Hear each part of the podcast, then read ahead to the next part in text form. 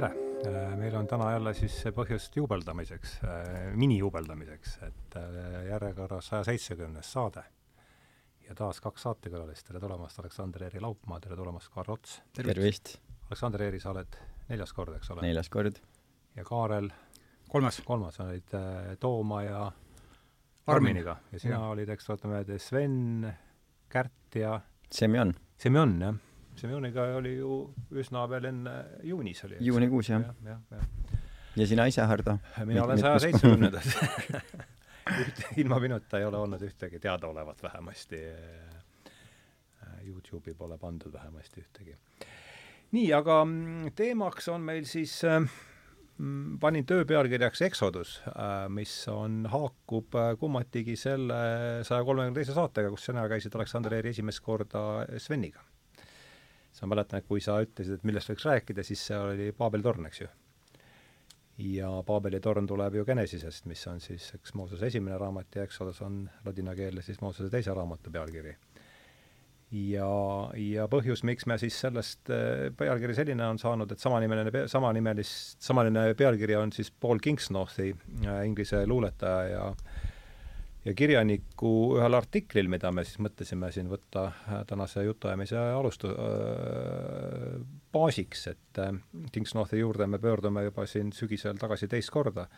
mu enda jaoks on teema üleval seetõttu, et ma tegin temaga siis äh, kahekümne eelmise tähenduse teejuhtide jaoks äh, intervjuu. ja, ja seal me keskendusime tema artiklile äh, mida progress tahab ja sellest me rääkisime põhjalikumalt siis äh, saja kuuekümne kuuendas saates, kus olid äh, äh, Miikael Reichelgauts ja Aleksander Reimann. ja nüüd siis mm, ma ei teagi, miks või kuidas sa siin, sinuga ammu rääkisime, et võiks Kings-, Kingsnachtist rääkida, Aleksander Eeri, eks ole ju, sina teadsid teda kas just ammu, aga nojah, ammu viimase mina, paari kuu jooksul jah, mina tean teda ise ju alles, ma ei tea, millal sina, millal ta sinu viimase pooleteist aasta jooksul Aha. millalgi, ma arvan, jah ja, ja, ja. mitte varem. millal tegi David temaga, minu meelest kas David tegi temaga intervjuu järsku võis olla kas selle aasta alguses või oli see eelmise aasta? ma ei mäleta, sealt ta, sealt ta minu, siis sealt Rebel Wisdomist sattus ta minu ekraanile. kus sina, Kaarel, teda nägid või kuulsid tast esimest korda? tal oli äh, Eisensteiniga ja. koos oli äh, ja keegi kolmas oli jaa, oli küll, jah. aga ma ei mäleta, kes ma ka ei mäleta. väga sarnane oli muuseas. samasugune habe. jaa, oli küll, jah ja aga, aga ma ei mäleta jah, kui sa ütlesid, et äh, teeks Kingsnorthist, mul ei sähvatanud üldse kohe, et, et kes, kes ta on, siis sa saatsid äh, sellesama, kohe, kohe, kohe tuli meelde. ja, ja, ja, ja ja, ja siis ma lugesin veel äh, tagantjärgi ta neid äh, lugusid ja siis Saab kõik see noh, meenus, eks, et ta mm -hmm noh, nagu sa ise ütlesid, riimub äh, minu meelest väga hästi äh, Charlesiga ja, ja et seal selles, selles podcastis oli ka niiviisi, et äh, Charles ju rääkis, et kuidas temal noh, ütleme, looma välja lasi, on ju, ja siis, et kui ta nägi, et see pool tuli ka järgi, siis ta mõtles, et näed, et veel üks, eks, et, et nad ka kuidagi paralleelselt, eks ole, mõtlesid, toimetasid ja, just, sama, sama teemat, eks, ja mm -hmm. siis tulid kuidagi, Charles vist tuli ennem oma selle Coronationiga välja ja siis Paulil ja. oli äh, hiljem, ma ei ja. mäleta, mis tal oli see esimene. jah, no tal, millega ta siin lai-, laineid lõi, oli see mis ma arvan, et see oli How I changed my sides in the vaccine wars või midagi, midagi sellist, sellist oli see mis see nimi, see nimi oli Vaccine Moment, kolmeosaline jah. ja. ja.. jah, see oli, see oli tal selles vallas üks niisugune äh, tähetund äh, jah, ja mina jah, sain ta, jõudsin temani siis jah, nagu ma ütlesin, läbi David Fulleri,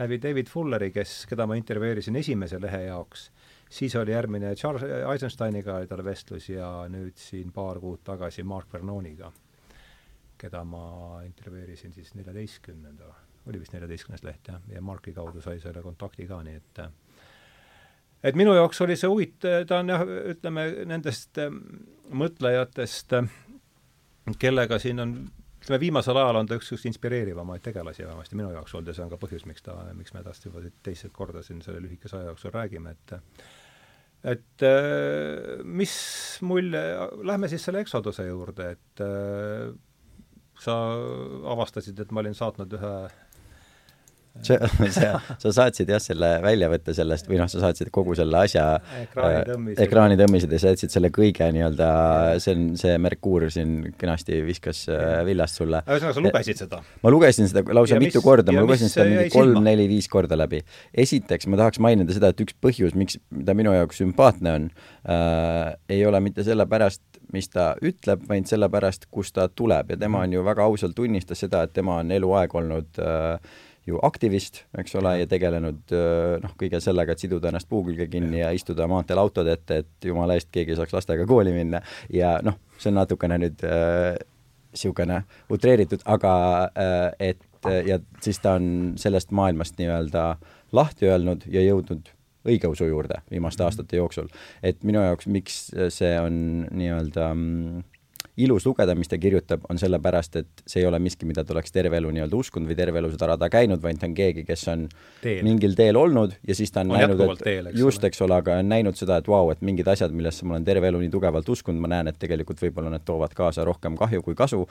ta on oma rakurssi muutnud ja, ja, ja siis jõudnud sellise noh, minu silmis vähemalt terviklikuma äh, maailma Äh, pildini. aga üks asi küll, mis ma pean ausalt tunnistama, mis mind natukene häirib, kui ma mhm. loen, kuidas ta kirjutab, on see, et ta kirjutab küll väga ilusti, aga tal on säilinud ikkagi see selline aktivisti äh, kirjakeel, äh, mis tähendab seda, et ta kõikide, kõiki asju presenteerib sellisena, noh, natukene seal on ikka tunda sellist, et kuidas keegi rikub ära meie kultuuri ja kuidas me oleme kõik ära unustanud, et see hästi natukene on seal ikka sellist tooni sees, mida ma näiteks Charles Eisensteinist üldse mm. ei tunneta, Charles Eisenstein minu arust suudab kuidagi veel puhtamalt seda edasi anda, aga ma ütlen, see on tegelikult täiesti äh, ebaoluline informatsioon lihtsalt siiski, siiski. aga ma arvan, äh, ma, aga ma arvan, et sul on õigus äh, ja, ja see põhjus on ilmselt seal, et, et Eisenstein tegelikult on olnud sellel teel palju kauem mm. -hmm ta on äh, ju vaata Tiibetis äh, elanud vist äh, ma ei tea, kui kaua, on ju, ja noh, Taiwanis või Taiwanis. Taiwanis olid, jah. ühesõnaga, temal on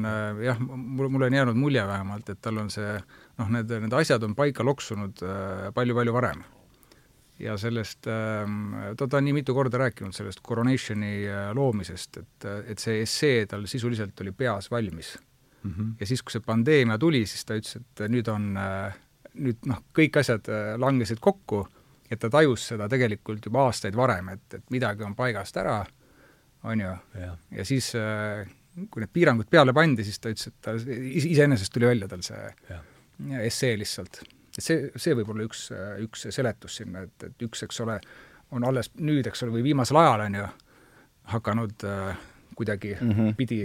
aga mõlemad mõtlema. on ikkagi alustanud hoopis teiste, Eisenstein ju ka rõhutab seda Yale'ist, eks, filosoofia ja matemaatika kaksikkraadi, et enne, kui ta Taiwan'i läks, et oli sama noh, Äh, et, et üks, võtta ükskõik kes teine Aktuaalsest Kaamerast, et ajas samasugust juttu ära ma, aga, ma ei aga, taha muidugi Aktuaalset Kaamerat kui saadet, ma kasutan teda yeah, loomulikult sümbolina, ma igaks juhuks aga, aga kui nüüd tõesti võtta see asi siis äh, lahti, selles mõttes on ju tegemist väga nagu lihtsa äh, sõnavõtuga, et sa räägid Exodusest praegu? just, eks ole, et juudid, eks ole, jõuavad kõrbesse Äh, või israeliidid siis ütleme, ja seda mm, para-... oluline ka, kus nad liikuma hakkavad. just, aga see, aga paralleel, sedasama paralleeli, eks ole, on ju palju välja toodud ja üks asi, mis siit haakub mul näiteks Jordan Petersoni öelduga, mis, mis ta ütles, on see, et et esimene asi, mis juhtub, kui sa pääsed diktatuuri käest, on see, et sa jõuad kõrbesse, mitte see, et sa jõuad kuskile paradiisi või tõotatud maale, vaid see, et see esimene koht on, on kõrb. ja sedasama, see eelmine vestlus ka, mis sul Kingsnorthist nende kahe noormehega oli, mis oli ka väga huvitav kuulata, et seal ka kuidagi äh, kõik tõid välja seda temaatikat, et umbes, et kui me oleme lahti saanud mingitest probleemsetest asjadest, olgu selleks ma ei tea, kas religioon või mis iganes muu asi, et miks siis on ikka nii, et meil äh,, meil probleemid on või et kui on, me oleme näinud ühiskonnas mingisuguseid vigasid ja oleme suutnud need minetada, kuidas siis nüüd järsku on niimoodi, et meil on veel, veel hullem, veel hullem olukord äh, kui ennem oli. ja see esimene asi kohe, millest ju Kingsnorth hakkab rääkima, on see, et tema hakkab jõudma sellesse ikka, kus ta varsti peaks olema nii-öelda see vana tark Äh, inimene. Ja meie kultuuris selline seisus praktiliselt ja, on kaotatud, eks ole, vanainimesed pannakse vanadekodusse, et nad ei tüütaks meid kedagi oma heietustega. Ja seda ma ei tea, kas siin saates ka, aga see on üks asi, mida mina olen aastate jooksul nii tihti äh, välja toonud, et see noorte inimeste puhul ähm, teismeeas see metsik äh, mässamine oma vanemate vastu ja vanavanemate vastu. Suurenisti äh, tuleb sellest, et me elame sellises kultuuris, kus need asjad, mida sina ähm, oma vanematelt saad justkui tõena, et peab käituma niimoodi, muidu lähevad asjad halvasti, mingid moraali ja eetika nii-öelda ähm, õpetused kui sa kasvad ja kui sa nende äh, vastu käitud, siis sa avastad, et sealt ei tule mitte mingit äh, nii-öelda tagasilööki. ehk siis me õpime oma vanematelt ja vanavanematelt nii palju, mis selleks hetkeks, kui meie seda õpime või rakendama peame hakkama, on juba aegunud mm. -hmm. ehk siis meil ei teki ka respekti oma vanemate ega vanavanemate vastu, sest nendelt saadud õpetused enam ei päde. kui sa lähed äh, põlisrahvaste hulka, kui vanem ütleb sulle, et ära astu sinna, ära mine pimedal ajal metsa, sest seal on madu või seal on tiiger, eks ole, kes su ära näksab mm, -hmm. siis kaks korda selle vastu eksid, siis sind enam ei ole, nii et seda, sellist samasugust mässamist äh, ei, ei teki. ja kuna meie maailm reaalselt ongi nii kiiresti muutumas, et mm -hmm. vanemate inimeste tarkustest enam ei ole ka kasu, neil ei olegi meile enam mitte midagi õpetada, sest asjad, mis nemad teavad, olid tõesed seitsekümmend aastat tagasi ja siis me olemegi jõudnud sellesse kohta, kus me lihtsalt proovime neid kui niisuguste ebameeldivate nagu kõrvalsaadustena äh, kuidagi mm -hmm. pildist äh,, pildist ära lükata mm. -hmm. ja noh, ilmselgelt nüüd me näeme, et sellel on ka palju äh, kõrvalmõjusid. tahad sa lisada selle peale midagi? jaa, noh, ma sellega täiesti nõus, et, et maailm võrreldes noh, põlisrahvastega on, on palju kiirem ja äh, ma ei mäleta, kes seda hästi ütles, et, et, et progress on äh, nagu äh, mugavam allakäik. et see on, see on nagu lääne, lääne ühiskonda mm -hmm. noh, iseloomustab, on ju, et kui me mõtleme, mõtleme progressi peale, et see on tegelikult allakäik ja mis siis, äh, püüan meenutada, kes seda ütles, aga ma arvan, et see oli Darren Allen, kes on kirjutanud sellise raamatu nagu kolmkümmend kolm äh, süsteemi müüti. minu meelest see eesti keeles ei ole, aga see on Thirty Three Systems, Myths of the System seal ta räägib, jah, pro-, noh, võtab järje, järjest ette selline humoorikas äh, võtmes ja räägib noh, progressist äh, ja just selles mõttes progressist, et sul on see noh, kõrgtehnoloogia, on ju. et, et mida see inimesega teeb, et ta teeb elu mugavamaks mm, -hmm. aga samas orjastab, äh, noh, teeb kõike seda, mida tegelikult ei taju, on ju. jah, kuni ühel hetkel tajume, et siis jah, ja, ja see on vaata see, et äh, noh, mis võib-olla kõige, kõige paremini nagu hakkab silma selle, selle kiire elu jooksul, et kõik asjad muutuvad väga kiiresti, on ju, et sul tuleb uus soft kuskile peale juba, sa pead, et kui sa nagu eelmist ei tea, on ju, sa oled võib-olla hädas juba. aga ma arvan, et selline äh, noh, elutarkus ja elukogemus, et ega see ju tegelikult kuhugi ei kao, et et see noh, vanemate austamine ja ja, ja nendest lugupidamine tegelikult äh, noh, ma, ma arvan, see on täitsa kurjast tegelikult, et et on noh, võetud, et kuna noh, mingisuguste tehnikavidinatega äh, kursis ei ole äh, seitsmekümneaastaselt, et järelikult tal ei ole midagi, midagi anda. jah. ja see on ka üks põhjus, miks ma võtsin selle ette, et ka selles viimase lehe juhtkirjas ma tsiteerisin seda lõiku, lõiku, mis mulle eriti läks korda, inglise keeles kõlas see siis The West has forgotten how to do wisdom and doesn't really care.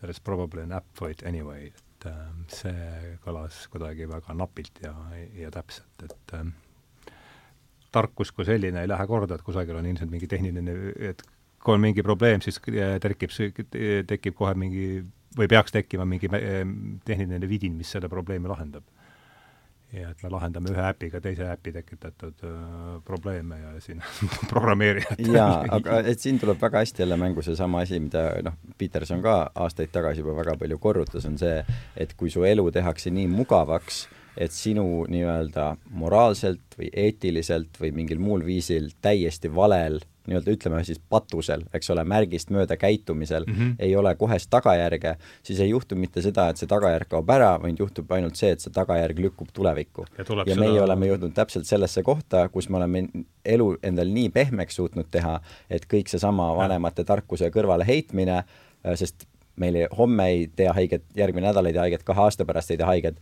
ja nüüd me oleme ühiskonnana jõudnud sinna, kus me oleme mitukümmend, mitukümmend või oleneb kust kohast võtta, mitusada aastat nii-öelda liikunud vales ja vales ja vales suunas ja nüüd kogu see rohmakas ja. lendab meile nagu suure-suure-suure kaarega ja. lapikult vastu nägu.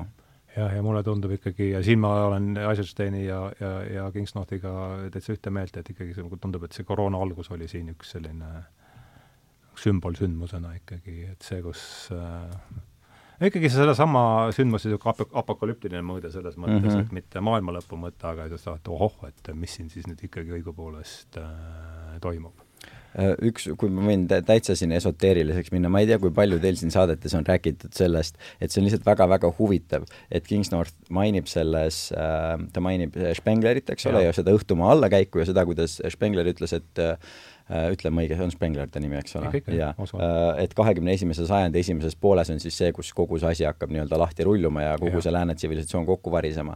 ja teised kirjanikud on noh, samasse aega pannud samasuguseid prognoose natukene erinevate sõnadega ja on väga-väga huvitav see, et me oleme praegu täpselt selles ajastus, kus eks ole, umbes alates tuhande üheksasaja kuuekümnendatest lõppes siis see suur kosmiline kalade ajastu, eks ole, kahe tuhande ühesaja kuuekümne aasta pikkune tsükkel.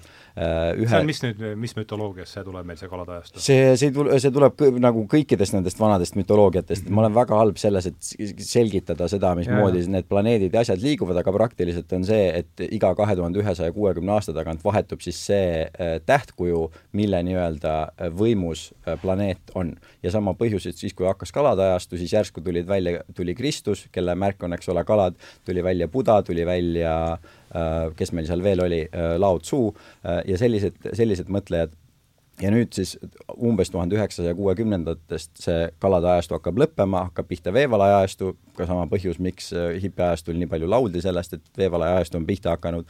Ja see nüüd siis ütleme umbes kaheksakümne aastane periood, kus need siis taevakehad liiguvad sellest ühest tähtkuju ajastust teise tähtkuju ajastusse. Ja meie oleme siis praegult sattunud elama täpselt sellel ajastute äh, vahetumise perioodil kusjuures äh, Ardo, mina läksin nii esoteeriliseks, äh, kui me Toomasega olime siin, ma rääkisin nendest samadest, et on energiate äh, selline vaheldumine toimub, et, et miks see teeb, segasin sulle vahele, et miks see teeb inimesi tundlikumaks. et, et kes on sellele vastuvõtlikumad, et need saavad paremini aru, vaata see Pool on ka öelnud, et et ei ole ühtegi sellist ühiskonda, kus on ainult materiaalne või ühtegi materiaalset ühiskonda, et see on võimatu, et, et kohe, kui sa selliseks muutud, ühiskonnana, et siis tegelikult algab äh, allakäik ja noh, ma pakun, et äh, mis oleks parem tärmin kui äh, see tarbimisajastu hiilgeaeg, on ju, mhm. viiekümnendad ja kuuekümnendad. sisuliselt sama aeg, eks.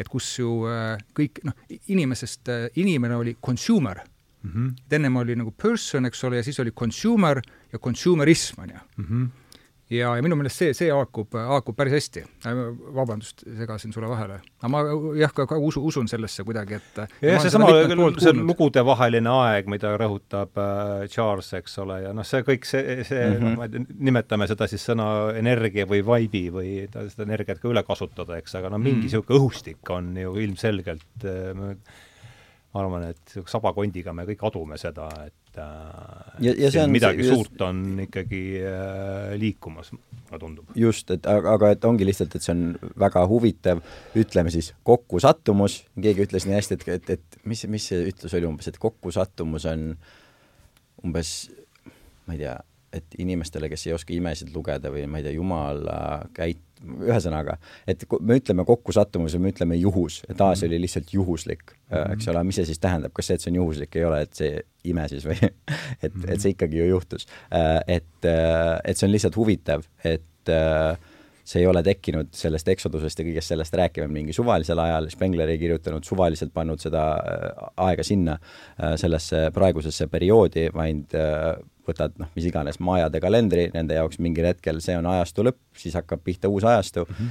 ja me oleme lihtsalt äh, sattunud selle keskel elama ja noh, see on jällegi noh, minu kui niisuguse üdinisti optimistliku inimese jaoks ka üks viis, kuidas selliseid asju palju kergemini üle elada. et kui sa lihtsalt satud mingisugusesse kaosesse, siis on hästi lihtne mõelda, et oi kui kehvasti mul on läinud, oi kui hirmus, oi kui halb, mis ma nüüd teen, appi, appi, appi, miks ma sellises olukorras olen, aga kui sulle öeldakse, et ei tead, see on ammu sinna kosmosesse kirjutatud, et praegune aeg saabki selline olema, siis sul on see, et aa, sattusin niisugusele huvitavale ajale elama, et ma ei hakka nagu kaklema sellega, vaid ma saan mõelda, mismoodi ma siis äh, otsustan käituda sellises olukorras mm. -hmm. just, et äh, noh, ongi, et kahte moodi saab elada, et, et kas kõik on selline materiaalne ainult või, või sa mõtledki, et nagu see hinge tasandil on ju, niisugune esoteeriline pläraandur, sinu termin vist on ju, läheb tööle? ma tõlkisin äh, bullshit detector oli see, mille ma tõlkisin pläraanduriks. pläraandur, pläraandur läheb tööle, aga, aga just, et noh, mõtledki, et sul on mingisugused õppetunnid siin elus ja kui sa teed need hästi, et siis järg, noh, kõike ei pea ju õigesti tegema, et kõige, kõike ei pea ära tegema, on ju, et, et sul on noh, neid elusid on, eks ole, veel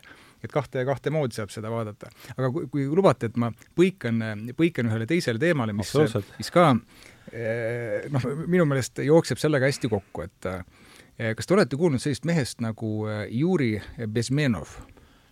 tema oli see ära karanud Vene spioon, eks ole. KGB, KGB mees. ja, ja. ja ma enne, enne saatesse tulekut vaatasin selle video uuesti läbi mm. -hmm. ja see on, ta räägib ühe Ameerika ajakirjanikuga ja aasta on äh, tähelepanuväärselt tuhat üheksasada kaheksakümmend neli. Mhm. Mhm. kui ta räägib. ja ta räägib sellisest asjast nagu lääne ühiskonna ideoloogiline õõnestamine. ja siis inglise keeles on see active measures, äh, mida siis äh, KGB või siis äh, luurajad, ja see noh, rohkem Ameerika kohta käib. ja ta ütleb, et see koosneb viiest punktist. üks, demoraliseerimine, et see võtab aega kuni kakskümmend aastat. et miks kakskümmend aastat, on see, et, et sul on vaja terve üks põlvkond noori äh, aju pesta marksistliku ja leninistliku ideoloogiaga. et sa ei eita kõike seda, mis nendele, nende oma maal räägitakse, aga sa sisuliselt ajupesed neid. sul on vaja mhm. kooliprogrammidesse sisse saada ja nii edasi, kuni kakskümmend aastat. punkt kaks on see, et äh, destabili-, destabiliseeritakse majandus, julgeolek, võtmetegevused, mis võtab aega kuni viis aastat. ja muuseas, tuhat üheksasada kaheksakümmend neli ta ütles, et, äh, et põhimõtteliselt see ajupesu on juba tehtud et te võib-olla ei usu seda, aga see on tehtud, et üks põlvkond on demoraliseeritud mm. -hmm. see oli tuhat üheksasada kaheksakümmend neli, ehk jällegi, me jõuame sinna samasse aega, viiekümnendad, kuuekümnendad, peale teist maailmasõda, kus see algas tegelikult kõik see, eks ole. Eh, kolm, kriis, mis võtab kuni, ta ütles, et nädalaid, ja neli, normaliseerimine. mis asi on normaliseerimine, on siis, ta ütles, et kui on see big brother on äh, valitsuses. ütles, et siis on põhimõtteliselt tehtud et sul on, ühiskond on ümber keeratud ja, ja ütles, et, et need vasakpoolsed, kes noh, on sellised noh, sõnakad ja ja siis propageerivad seda, ta ütles, et need on kasulikud idioodid, neid on vaja selleks, et destabiliseerida ühiskond, et pärast, ta ütles, et noh, pannakse seina äärde lihtsalt, et nad on, nad on kasutud, et noh, võimule neid ei, ei lasta. et see ka mul, millegipärast mul tuli see meelde, kui ma, kui ma lugesin selle peal, või seda Kingsnorth ja, ja üldse kuidagi noh, nüüd on ju vaata seda aega kuidagi sellest koroonast läinud, on ju, et äh, ma arvan, et mul hakkasid need äh, mm, noh, mõtted kuidagi teistpidi käima noh, võib-olla ka kaks aastat tagasi, on ju, et alguses ikkagi oli segadus, ma, ma tunnistan, on ju, et äh, ei teadnud ju, mis, mis toimub ja mis saama hakkab, aga ma arvan, sügiseks oli enam-vähem klaar, et, et midagi, midagi siin haiseb. on ju, ja siis hakkasid ilmuma siin erinevad lood ja äh, ja kuidagi äh, noh, ma ei tea, Paul Kingsnorth, Charles Eisenstein, need on ju noh, vandenõuteoreetikud, eks. absoluutselt. et kui me nüüd täna, täna noh, mõtleme, täna muuseas ma teile enne saadet ütlesin ju, et täna on äh, tähtis päev, et Joe Biden ütles, et äh, pandeemia on läbi.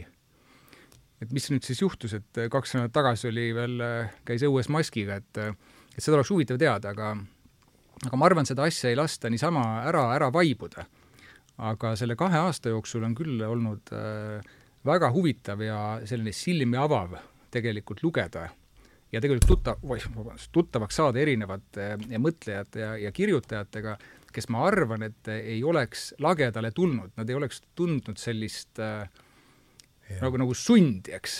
et need, ja me ei oleks neid avastanud. ja me ei oleks avastanud neid jah, et ja ma arvan, et see ka, et noh, sina rääkisid sellest esoteerilisest poolest, et väga paljusid ju seob.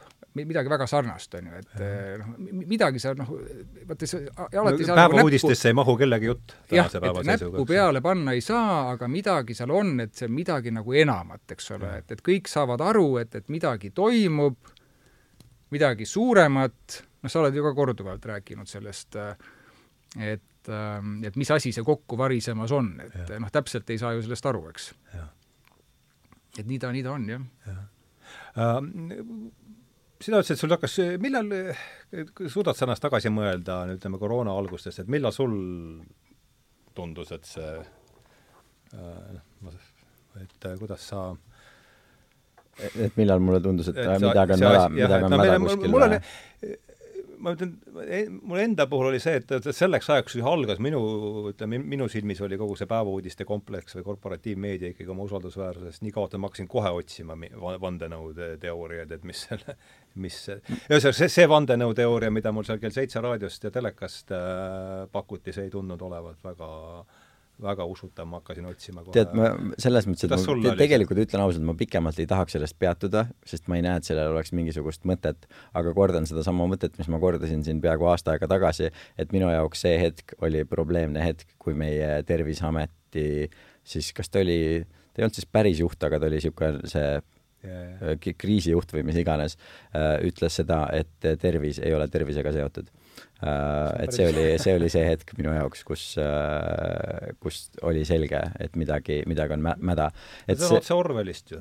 ja no just, täpselt, et see, selle kohta on Äh, viimaste aastate jooksul ka tulnud väga palju toredaid termineid nagu luksususkumused, ma ei tea, kui, kas te olete siin läbi, äh, läbi ole, käinud seda, et on, äh, et mingil hetkel ka, kui eliit muutub hästi suureks ja kui eliit muutub tava nii-öelda rahvast eraldatuks, siis tekivad sellised asjad nagu luksususkumused, mis on siis nii absurdsed uskumused, mida sa saad hoida ainult siis, kui sa oled sellisel elujärjel, et see tegelikult ei ole reaalse eluga kunagi kooskõlas. Äh, ja noh, niimoodi, et su noh, käsi tegelikult mulla sees, mulla sees ei ole.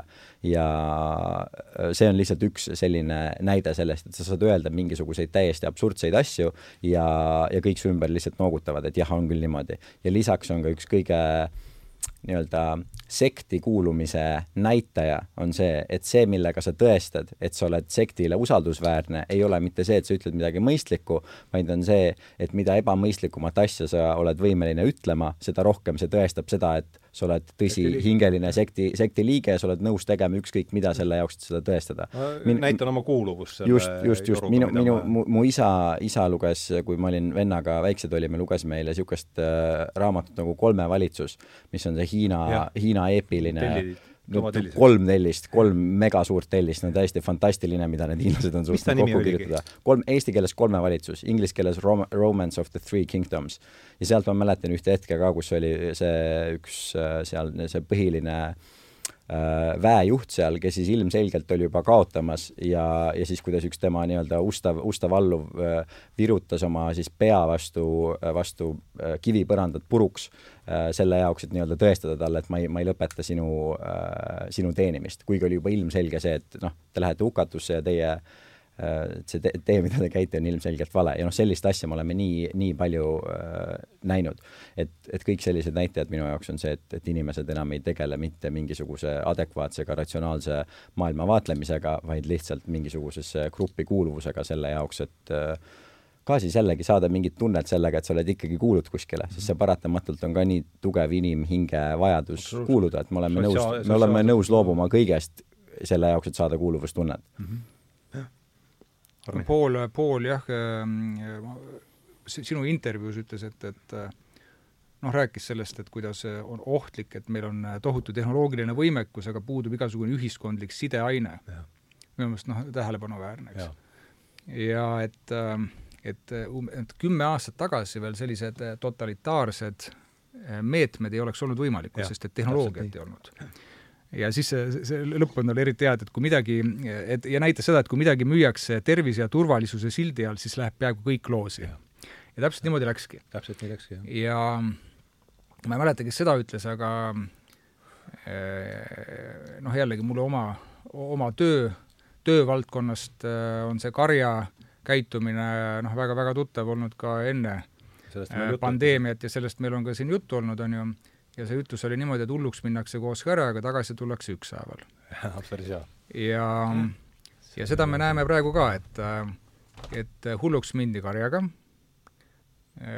meil on olnud nüüd võimalik jällegi tänu tehnoloogiale ju näha, milles eksiti, millal eksiti, kes eksis, kui tõsiselt eksis ja nii edasi ja nii edasi ja nii edasi. tundub, et see seda karja ei ole seni väga noh, morjendanud või oma, oma teelt tõuganud, aga järjest ma näen, et äh, tuleb sealt karjast inimesi tagasi.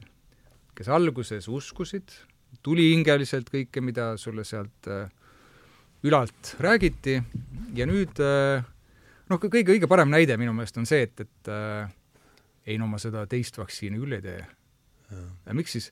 ei no see on kuidagi ei tundu õige, on ju. Et noh, noh, vaata, see, see on ainult üks näide, või kolmandat-neljandat. või, või kolmandat ja neljandat, noh ja nüüd, kui noh, öeldi, et pandeemia on läbi, ma arvan, et noh, jälle siin noh, hakka, hakkab vaikselt imbuma inimesi tagasi, aga võtame nüüd noh, sellise teooria jällegi, et mida Kingsnorth on, on ise öelnud ka, eks ole, selles sinu intervjuus, et et see noh, ta nimetab seda tehnoloogiliseks eksperimendiks, et mis ja, meiega on tehtud. vaatan sama välja tõstatasin. Äh, mis meiega on tehtud ja ma arvan, et see on, see on nagu spot on. see, see ongi tehnoloogiline just nimelt, see oli tehnoloogiline ja, eksperiment et, eelkõige. just. et eksperiment, eks ole, saab teha noh, nii ja naa, aga just tehnoloogiline, et mida on võimalik tehnoloogiliselt teha, kuidas on võimalik tehnoloogiat rakendada selleks, et, et kontrollida mm. -hmm. ja ja see, see ei ole ju äh, noh, mingi finiš, mida me praegu näeme, et Just pandeemia on läbi. aga tehnoloogia on alles. Äh, tehnoloogia on alles ja noh, mõtleme, mõtleme selle peale, äh, noh, mis, mis kriisid meil on olnud. noh, me oleme sinuga rääkinud siin majanduskriisidest, aga, aga lähme näiteks aastasse kaks tuhat kaheksa ja hakkame, hakkame tulema. finantskriis mm. -hmm. Võlakriis. selle varjus, ma arvan, me elame siiani siiski. ma, ma arvan, sam-, võlakriis samuti. võlakriis tööjõukriis, tervisekriis mm, -hmm. tarneahelate kriis, energiakriis, julgeolekukriis, geopoliitiline kriis, sest on söögi alla ja söögi peale meil on kriis, kriis, kriis ja see on, mis ta asi on siis nüüd, neliteist aastat. ja ma hakkasin mõtlema, et, et äkki on juhtimiskriis. äkki on ikkagi juhtimiskriis ja mm, ja kui sul on ikkagi neljateist aasta jooksul, sa ei saagi nagu kriisidest läbi ja need on, need on väga tõsised kriisid ja nagu sa ütlesid, et me elame selle finantskriisi varjus, ma arvan, et me elame selle noh, järgmine ongi, meil on see energeetika ja energia, see on ju noh, võtnud üle kogu maailma, eks, et äh, ega finantskriis on väga hea kandidaat nüüd järgmiseks, on ju. no inflatsioon, eks ole, noh si, siiamaani, eks ole, ma arvan, valdav enamus arvab, et et see on kõik sõja hind, on ju, et et see, et see, et nüüd kahe aasta jooksul äh, keskpangad äh, noh, unustasid näppu sinna nupu peale, kus äh, nulle tuli juurde, et sellest ei räägita mitte kuskil ju. et, et, et kas, kas sealt võib tulla see, et, et sul on äh, mis see number oli, kaheksakümmend protsenti vist kogu dollaritest trükiti kahe aasta jooksul ja see, see on sama... see on päris kõnekas number, mm. -hmm. jah, et, et sul, et, et kas, kas tõesti, et noh, et läheme maailma ajaloos tagasi, et tuhat seitsesada kakskümmend oli suur inflatsioon, eks ole, mull lõhkes, sest et trükiti raha, oli Prantsusmaal, eks ole, see Mississippi bubble. noh, me rääkisime sinuga eelmine saade sellest Weimari vabariigi inflatsioonist, eks, et ja, kus Saksamaal, Saksamaal käidi leiba ostmas käruga, on ju, sest et mitte käruga, et leib panna kärusse, aga raha oli kärus. ja nüüd sul pannakse siis hakkama äh, neid numbreid ei mäleta, aga kas oli siis kaks, kaks triljonit äh, kahe aastaga, ja see kaks triljonit oli siis see bilansi maht Keskpangas, oli äh, siis, kui oli finantskriis ja lihtsalt nagu konteksti, et, et see trükitakse välja ja keegi ei ütle, et, et see on inflatsioonis, on see probleem. ja samamoodi on selle mm, energiaga, et, et kui sa loed noh, eriti poliitikud ütlevad, aga see on ju noh, Ukrainas on ju sõda, et, et selle tõttu on ja. hinnad on üleval, noh, see, see ei ole väga keeruline tegelikult, noh, kaks hiireklõpsu lähed vaatad, et mis siis äh, noh, ma ei tea, gaasihinnad, äh, nafta hinnad, äh, mingisugused teised raha trükiti ikka enne, enne Ukraina sõda?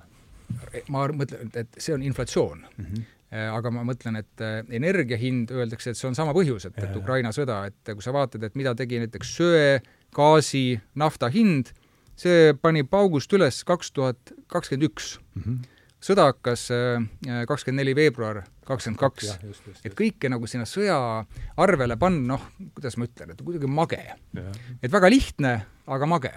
et see nagu ütleb, et äh, siis, siis ma küsiks, et äh, paneks need trüki tööle siis uuesti, et äh, milles küsimus, et kui selles see, see nii-öelda see modern monetary theory või moodne rahandusteooria, eks ole, mis ütleb, et sa võid trükkida noh, lugematuid dollareid, midagi sellest juhtu, järelikult see kõik kehtib, et mis me siis ägame praegu, et paneme paar triljonit juurde ja ja lähme nagu edasi, et äh, mulle tundub, et äh, seda noh, väga vähesed usuvad, aga, aga kuidagi äh, sellises noh, igapäevauudistes on, sul on kõik igasugused muud põhjused tuuakse selleks, et miks me oleme täna sellises olukorras, kus me oleme, aga elementaarsed, ehk et sul tehti väga halbu otsuseid sisuliselt kahe aasta vältel, tegelikult oli, oleks võimalik olnud stopp ja mitte edasi sellega forsseerida, eks mm. -hmm. ja, ja see on, see on see põhjus, miks meil on äh, täna inflatsioon selline, nagu ta on.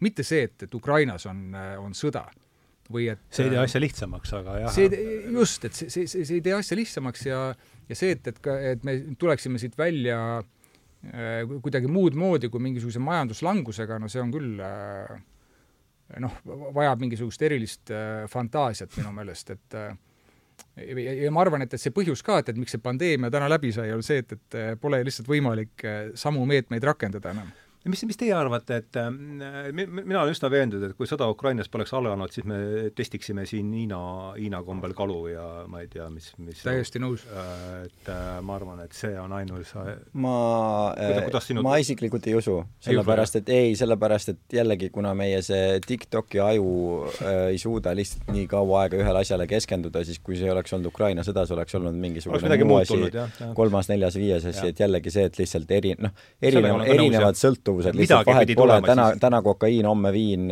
ülehomme fentanüül, noh, mis iganes, et see on lihtsalt mingit uut hitti on kogu aeg vaja, et suuta seda inimeste tähelepanu hoida. ja kõik see, mis Kaarel just ütles ka, ongi ju perfektne näide sellest samast äh, grupi mentaliteedist ja kuuluvustunde vajadusest, et asi läheb, noh, ja see majandusteooriaga, sellega on juba noh, ilmselgelt ammu niimoodi olnud, et kui keegi seda natukene vaatab, kustkohast seda raha välja imetakse, siis noh, kui sul natuke loogilist mõtlemist on, siis sul on see, et kuulge, et see süsteem ju lihtsalt, lihtsalt ei tööta, et ei saa olla niimoodi, et mul materjali ei ole ja ma ehitan maja suuremaks iga päev. Äh, aga äh, aga kui, aga kui sa kuulu-, aga kui sul on see, sinna gruppi kuulud ja see, sul on see, et kas sa usud sellesse, tähendab, et sa saad raha, sul on töö, lapsed saavad koolis käia, siis ilmselgelt sa räägid, et noh, järelikult ju saab küll.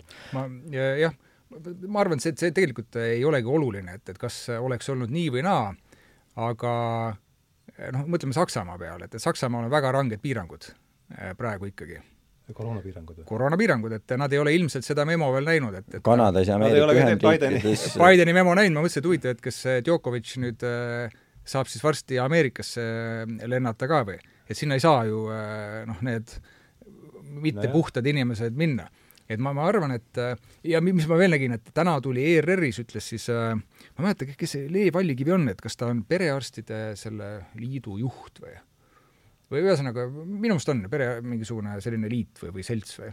ja ta ütles, et, et noh, et nüüd on aeg, et et me ei, ei peaks nagu nii tõsiselt igasse nohusse ja kõva, köhasse, eriti laste puhul, nii tõsiselt suhtuma, et et noh, andis mõista, et see koroona on noh, möödanik, on ju. ja just eelmine päev eelmine päev, Päevalehes mul jäi silma, et Karmen Joller, seal oli, et kas poolt või vastu, kas Kristel Paris vist ütles, et äh, et võtaks nagu vabamalt, ütles, et ei, et tegemist on ikkagi väga ohtliku äh, viirusega, kes ei ole kuskile lahkunud, on ju, et me ei saa ennast lõdvaks lasta.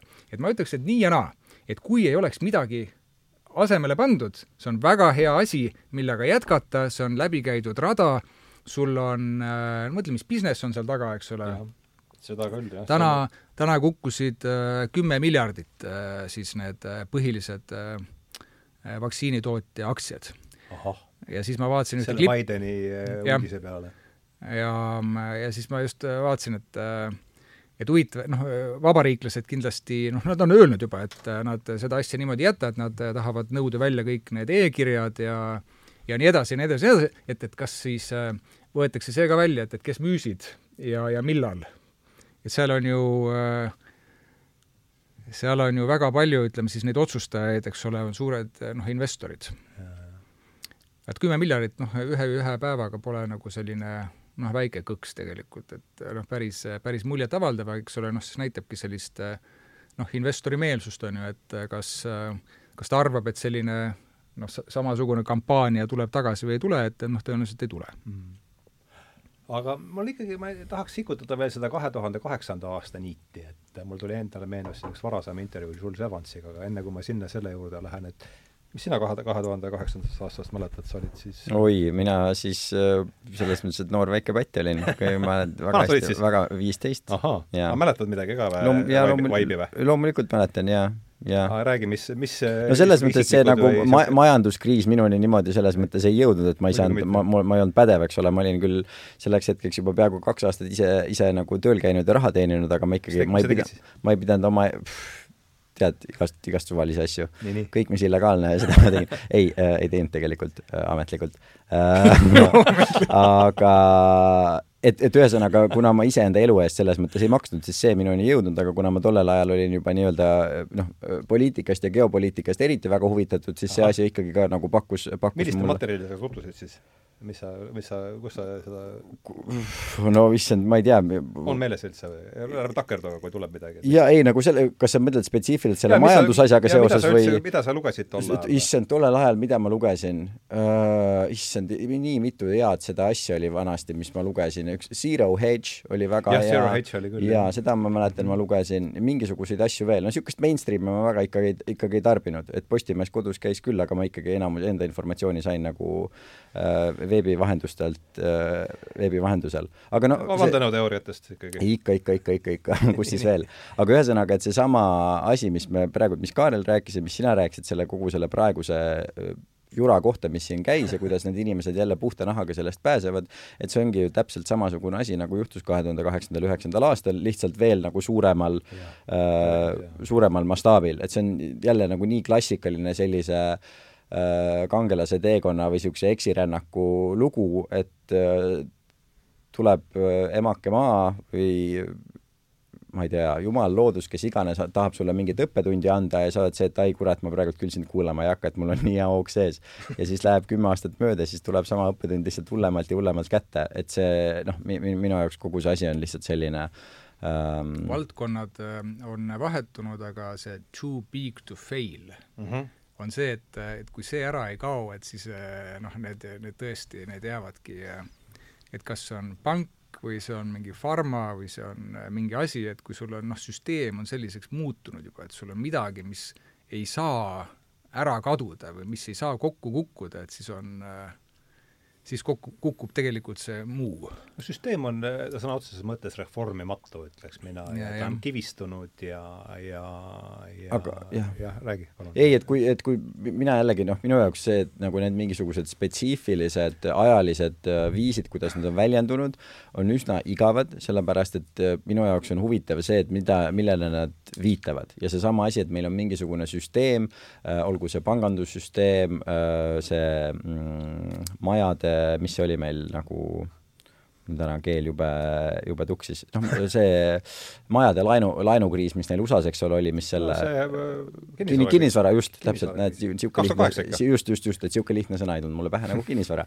Äh, ühesõnaga, ma olen kindlasti adekvaatne inimene, keda kuulata. Äh, et minu jaoks on huvitav see, et, et miks on niimoodi, et me üldse hakkame uskuma mingit niisugust asja, too big to fail. ja, ja minu jaoks ikkagi viitab sellele, et kuna jällegi väga lihtsas keeles äh,, religiooni või jumalat või seda, mis inimesi seoks omavahel kokku, seda nii-öelda päris asja ei ole, siis inimesed otsivad sellele kogu aeg asendust. surrogaatjumalat. just, eks ole, surrogaatjumalat ja siis olgu see meditsiin, olgu see majandus, olgu see äh, tehnoloogia, mis iganes asi see on, sellest krabatakse kinni ja mhm. kogu see ähm, nii-öelda energia suunatakse sinna ja noh, paratamatult need asjad, mis ei suuda äh, kõiksust hoida, lähevad kõiksuse koorma all katki ja mm. seda me lihtsalt näeme uuesti ja uuesti, uuesti kordumas. jah, minu arust see on väga hea kujund, mis ta on käinud läbi, ma nüüd räägin Kingsnorthist ja läbi, läbi mitmete kirjutiste, aga Exoduses ka, et iga kultuuri või iga kultuuri keskmes on troon ja sellel troonil istub midagi ja kui me selle sealt ära viskame, siis see troon ei jää tühjaks.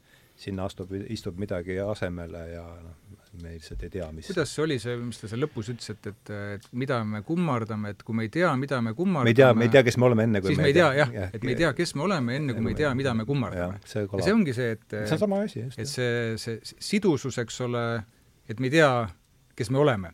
aga mul tuli, mul tuli meelde selle seoses vandenõuga, et ma kunagi äh, käisin, äh, käisin kuskil esinemas ja ja sinna mind kutsuti juba sellepärast, nad teadsid, et ma kindlasti hakkan mingit noh, täitsa jama ajama, et no las ja siis ma võtsin täitsa jama on defineeritud kui jutt, mis ei lähe päevauudistega kokku. ja, ja Britannicast vaatasin, et mis, või kuskilt teisest sõna, mis see vandenõu üldse on mm. -hmm. ja vandenõu oli siis noh, mingisugune plott või mingisugune noh, kokkulepe või et mis on siis väikse grupi inimeste poolt tehtud, et suurendada siis oma kasu või, või mm -hmm. nende kasuks, siis ma mõtlesin, et aga kuidas üldse võimalik, et, et inimesed ei usu sellistesse asjadesse, et sul ongi väike grupp inimesi, ükskõik mis valdkondades, on ju, kes mm -hmm. tahabki vaikselt ajada nendele kasulikku asja, on ju no. et, et, et kui sa, kui sa sellist asja ei usu ja, ja ma, ma hakkasin ennem seda saadet otsima ja ma ei leidnud üles, oli üks, üks väga hea siis selline analüüs. ma ei mäleta, kes selle kirjutas, aga ta just keskenduski sellele mm, -hmm. et miks on nii, et väga paljud inimesed absoluutselt jätavad, jätavad kõrvale, et selline asi on võimalik. noh, nagu vandenõu mm. -hmm. ja jõudis selleni, et et ütles, et või noh, hakkas sealt pihta, et, et inimene on ju kõige abitum noh, loom üldse, et ta kogu aeg vajab hoolt. et kui tema eest hoolt ei kanna, kas vanemad või ütleme, temast ikkagi vanemad, kas need on siis oma vanemad või, või kes iganes, eks ole, et siis ta hukkub. et järelikult tal on sisse kodeeritud maast madalast see, et ta, peab usaldama kedagi. ta peab karjaliige olema, nagu karjast välja kukkuv on surm. et see, mida sulle öeldakse, et see on õige mm, -hmm. sest et sinu elu sõltub sellest.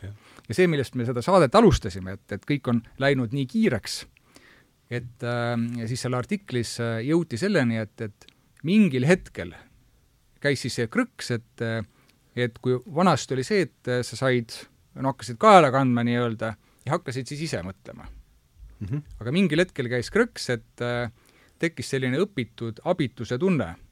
et äh, ja, ja, ja sama, samamoodi on siis see toimunud paralleelselt sellise globaliseerunud ja tsentraliseerinud maailmakorraldusega, et kõik info antakse sulle kuskilt ette mm. -hmm. ja sul ei, äh, ja kuna see ajalugu siis, et äh, noh, no evolutsiooniliselt, eks ole, sa oled harjunud et äh, kui sa oled väike, siis sa pead kuulama, mida keegi ütleb, aga nüüd on see, et, et sa oled suur ja võiksid ise mõelda, aga sa ei tee seda, sellepärast et äh, niimoodi on äh, mugavam. et ja, see ja, ja, ja, ja väga vajadus tänu sellele, et me üksi hakkama ei saa, on vaja kuuluda siin, karja ja, ja, ja, ja see ühtemoodi mõtlemine. siin on nii mitu asja, millest ma tahaksin kinni võtta, sest no esimene nii, asi, mida sa mainisid, on see sõda, sõna vandenõu äh, see on väga, see on, algab kõik pihta meie keele väärastamisest ja see on see viis, kuidas ka inimesi on kõige lihtsam kontrollida, on see, et sa lihtsalt kontrollid seda, mismoodi nad räägivad. vandenõu on üks asi, eks ole, vandenõu tähendab seda, täpselt nagu Kaarel ütles, et hulk inimesi lihtsalt sepitseb midagi ilma teistele ütlemata, et omakasu suurendada. väga lihtne, kõik teavad läbi ajaloo toiminud. küllaltki inimlik äh, küllaltki inimlik käitumis, rahvaspordiala missugune. käitumisviis, eks ole, nii. siis on vandenõu teooria mis on teooria selle kohta, et mingi asi on läbi vandenõu tekkinud, eks ole, ja mis nüüd on juhtunud viimase paari aasta jooksul, on see, et on vandenõuteooria, kuna see on liiga pikk ja liiga keeruline asi, mida öelda, siis enam ei öelda, et see on vandenõuteooria, vaid öeldakse, et see on vandenõu. ehk siis kasutatakse täpselt noh, peaaegu vastupidist mm -hmm. väljendust millegi kohta, mida sa tahad öelda, sa tegelikult tahad öelda, et aa, see, et sa arvad niimoodi, see on vandenõuteooria, siis sa ütled ei, see on vandenõu. ehk siis äh, sa ütled, et see asi, millesse sa usud, seda tegelikult ei ole olemas, aga see sõna, mida sa kasutad, on jah, see on vandenõu mm. -hmm. mõistad? et sa kasutad, see on sõna täiesti majandus- ja majandusteooria see on täiesti ära, sõna äraspidiseks väärastamine ja, ja, ja see on jällegi fantastiline viis, kuidas muuta inimese nagu noh, pea täielikuks boržisupiks. sellepärast, et, et lihtsalt need sõnad, mida ta ütlevad, ta, ta usub, et ta ütleb ühte asja, tegelikult sa ütled sõnadega risti vastupidist asja. ja mis ma selle kohta veel tahtsin öelda? pagan, mul läks, ühesõnaga, tuleb meelde, siis, siis räägin edasi. borsisupi kujund oli kahtlemata jah, see oli hea. no aga seesama, et noh, et, et kümme aastat tagasi oleks noh äh, nüüd, nüüd mul tuli meelde, et äh, see, mm, mis on seotud sellega, et kes, et kas äh, kas keegi usub vandenõuteooriatesse või mitte ja see, et keegi teeb selle automaatse lükke, et ei, ma vandenõuteooriatesse ei usu või, ja ta ütleb, ma ei usu vandenõudesse, mis on jällegi kaks täiesti erinevat asja. on osa inimesi, kes automaatselt usuvad, on osa inimesi, kes automaatselt ei usu. kui mina peaksin arvama hakkama, kus see asi pihta hakkab, siis ma peaks, arvaksin seda, et kuskilt varajasest kasvatusest, kas sul on suur usaldus oma vanemate vastu või sul ei mhm. ole suurt usaldust ja. oma vanemate vastu, eks ole, kes teab, kas see tuleb alkoholismist, äh, mis iganes, seda, et su perekonnas oli, ma ei tea, petmist, mis iganes muid asju, et sa lapsena juba tunnetad seda, et tead mm, -hmm. isa äkki valetab emale midagi, ema valetab, noh mm -hmm., kuskil on midagi, midagi seda ja. ja sa kasvad lihtsalt selliseks. ja, ja teistel inimestel on see, et sa oled väga usaldav, sa oled kogu aeg, eks ole, sealt eestpoolt, kõik on sulle kätte antud, nagu see näide, mis sina ka tõid ja siis sul on see, et loomulikult ma usun ja usaldan, sest see on see viis, kuidas ma ellu jään. aga kus tekib patoloogia, on see, et ükskõik kum, kummal poolel sa oled, kui sa otsustad, et ei, ma alati usun või ma alati ei usu. ja mhm. mõlemal puhul sa oled lihtsalt ju täiesti väliskeskkonna lükata tõmmata, sellepärast et see, mis otsustab sinu seisukoha, on see, mis teised ütlevad mm. -hmm. ja mhm. sellel hetkel ei ole ju vahet, eks ole, et kui sina ütled, kui mina tahan alati kõige vastu olla mm, -hmm. siis ma olen täpselt samasugune ori nagu see, kes alati kõige poolt on, sest mm -hmm. minu seisukoht on ikkagi defineeritud sellest, mis väljastpoolt tuleb aga mis te arvate, mina teeks üldse ettepaneku asendada sõna vandenõuteooria sõnaga kuulujutt, et see on ju minu meelest, äh, mis vahet te siin üldse näete? ja mul on niisugune tunne, et kui me võtame nüüd, et kes usub, et me olemegi nüüd ja, ja, ja, ja minu arvates selle koroonakriisi kõige olulisem tagajärg või see, mis mulle kaha, kohale jäi, see, mis me rääkisime ju ammu, on, et on, me oleme epistemoloogilises kriisis, ehk selliste sõnadega me ei saa enam aru, kus me üldse teame, mida me teame, et kuulujutt ikka, sõna kuulujutt eeldab, et kuskil on mingi päris jutt ka. ja päris jutt, eks oli noh, kakskümmend aastat tagasi tuli Vremjast ja ühest uudisteprogrammist, aga see on muutunud samasuguseks kuulujutuks, on kiiresti muutumas samasuguseks kuulujutuks nagu kõik muu ja, ja kuidas me siin nüüd nende kuulujuttude keskel elame, see on see küsimus. ja see, et me sellistest asjadest räägime, ongi näide sellest, et me oleme kõrbes ja, ja sealt nii. tuleb ka seesama näide, mis sul oli nende kahe noormehega, kus te Kingsnorthist rääkisite, kus ja. Äh, sina käisid välja selle, et paarkümmend aastat tagasi kõik said äh, õhtu uudistest said oma selle informatsiooni ja nüüd, ja nüüd sul on, eks ole, tuhat erinevat kanalit, tuhat erinevat lugu ja siis üks noormeestest ütles, et aga see noh, sa ei ütle ju, et see oli hea, kuidas ennem oli ja sealt tuleb täpselt seesama totalitarismi ja kõrbe vahe, et siin mm -hmm. on lihtsalt, asi ei ole selles, kas üks on hea või teine on halb, vaid asi on lihtsalt selles, et need on kaks erinevat viisi äh, probleemi ja. ja ühest probleemist saadi välja ja nüüd oled äh, täielikus äh, teises probleemis. jah, jah, see, jah. jah, et noh, seal kõrbes on, ma arvan, jällegi vähe inimesi praegu veel arvad? nojah, aga äh, võrreldes jällegi kahe aasta taguse ajaga, ma ja, arvan, see, ikkagi see, miljonites rohkem. ja, ja, ja ütleme, see, see, see, see rännak või, või see väljarännak, see kindlasti toimub, aga ma arvan, et selles mõttes, et kõrbes on kõik, kõigil ei ole lihtsalt toit veel otsa saanud ja vett, vesi otsa saanud, nad lihtsalt ei tunnista veel seda, et, et kõrbes ollakse. nojah, eks see on niisugune jah, osad ikkagi on oma rut-, rutiinis ikkagi väga kinni, et on kell seitse ja kell üheksa ja kõik ülejäänu on kuu-, muu on kuulujutt, et nojah, aga, aga ma meenutan, et äh, sellest ei ole ju väga kaua tagasi, kui äh, noh, väga kõrgel tasemel käis ju jutt äh, mitte ainult Eestis, et äh, et milline peaks olema siis see äh, tasakaal üksikisiku vabaduste ja siis äh, ühiskonna ootuste või, või äh, no, vajaduste vahel. no see noh, et kuni, kuni täitsa, et seda peaks hakkama siis noh, kohtutes arutama, on ju. et kus me oleme täna, täna jõudnud, on ju see, et et kui sinu jutt või, või tegu läheb või kaldub kõrvale sellisest kokku lepitud noh, narratiivi või kokku lepitud noh, seisukohtadest, et siis saad karistada. ja sa saad karistada läbi sellesama tehnoloogilise äh, võimekuse või selle platvormi, eks. et me oleme ju näinud seda äh, noh, päris palju, eks. et um, seda nimetatakse tühistamiseks. ja, ja, ja ma arvan, see, see ei kao kuhugi, et äh, ma ei mäleta, kas, kas see oli ka siin mõnes selles Kingsnorthi äh, loos või ma panin, jätsin kuidagi kõrva taha, et oli Orwelli sead et Orwelli sigadeks nimetas siis neid, neid inimesi, kes, kes olid need teadlased mm, -hmm. nende üksikud teadlased, kes farmi seal ka jah, et, et kes ütlesid, et see on õige teadus, et kui sa seda ei usalda, et siis sa oled see vandenõuteoreetik, on ju. ja need olid need Orwelli sead, et nad on võrdsemad kui, kui need teised samavõrdsed mm -hmm. teadlased. ja see mõtteviis, ma arvan, kuhugi ei kao et see asendatakse mingisuguse teise probleemiga, on ju, aga see, et just selline mõtteviis või, või suhtumine, et, et see on okei. Okay., et sul on mingi väike punt inimesi, kes otsustab, et me läheneme sellele no mis tahes probleemile vaat niimoodi, me kulutame ära määramatu hulga raha selleks, mida kunagi pole tehtud, me ütleme, et kõik see äh, meditsiiniline lähenemine, noh, kui me räägime tervise sellest äh, probleemist või kriisist, kõik see, mis me oleme siiani teinud, on vale, me teeme asju uutmoodi, me vaigistame kõik muud mm, -hmm. eks, sellepärast, et meil on lihtsalt mingisugune toetav käsi taga ja siis sisuliselt äh, noh, giljotiinile lähevad kõik need, kes, kes mõtlevad teistmoodi.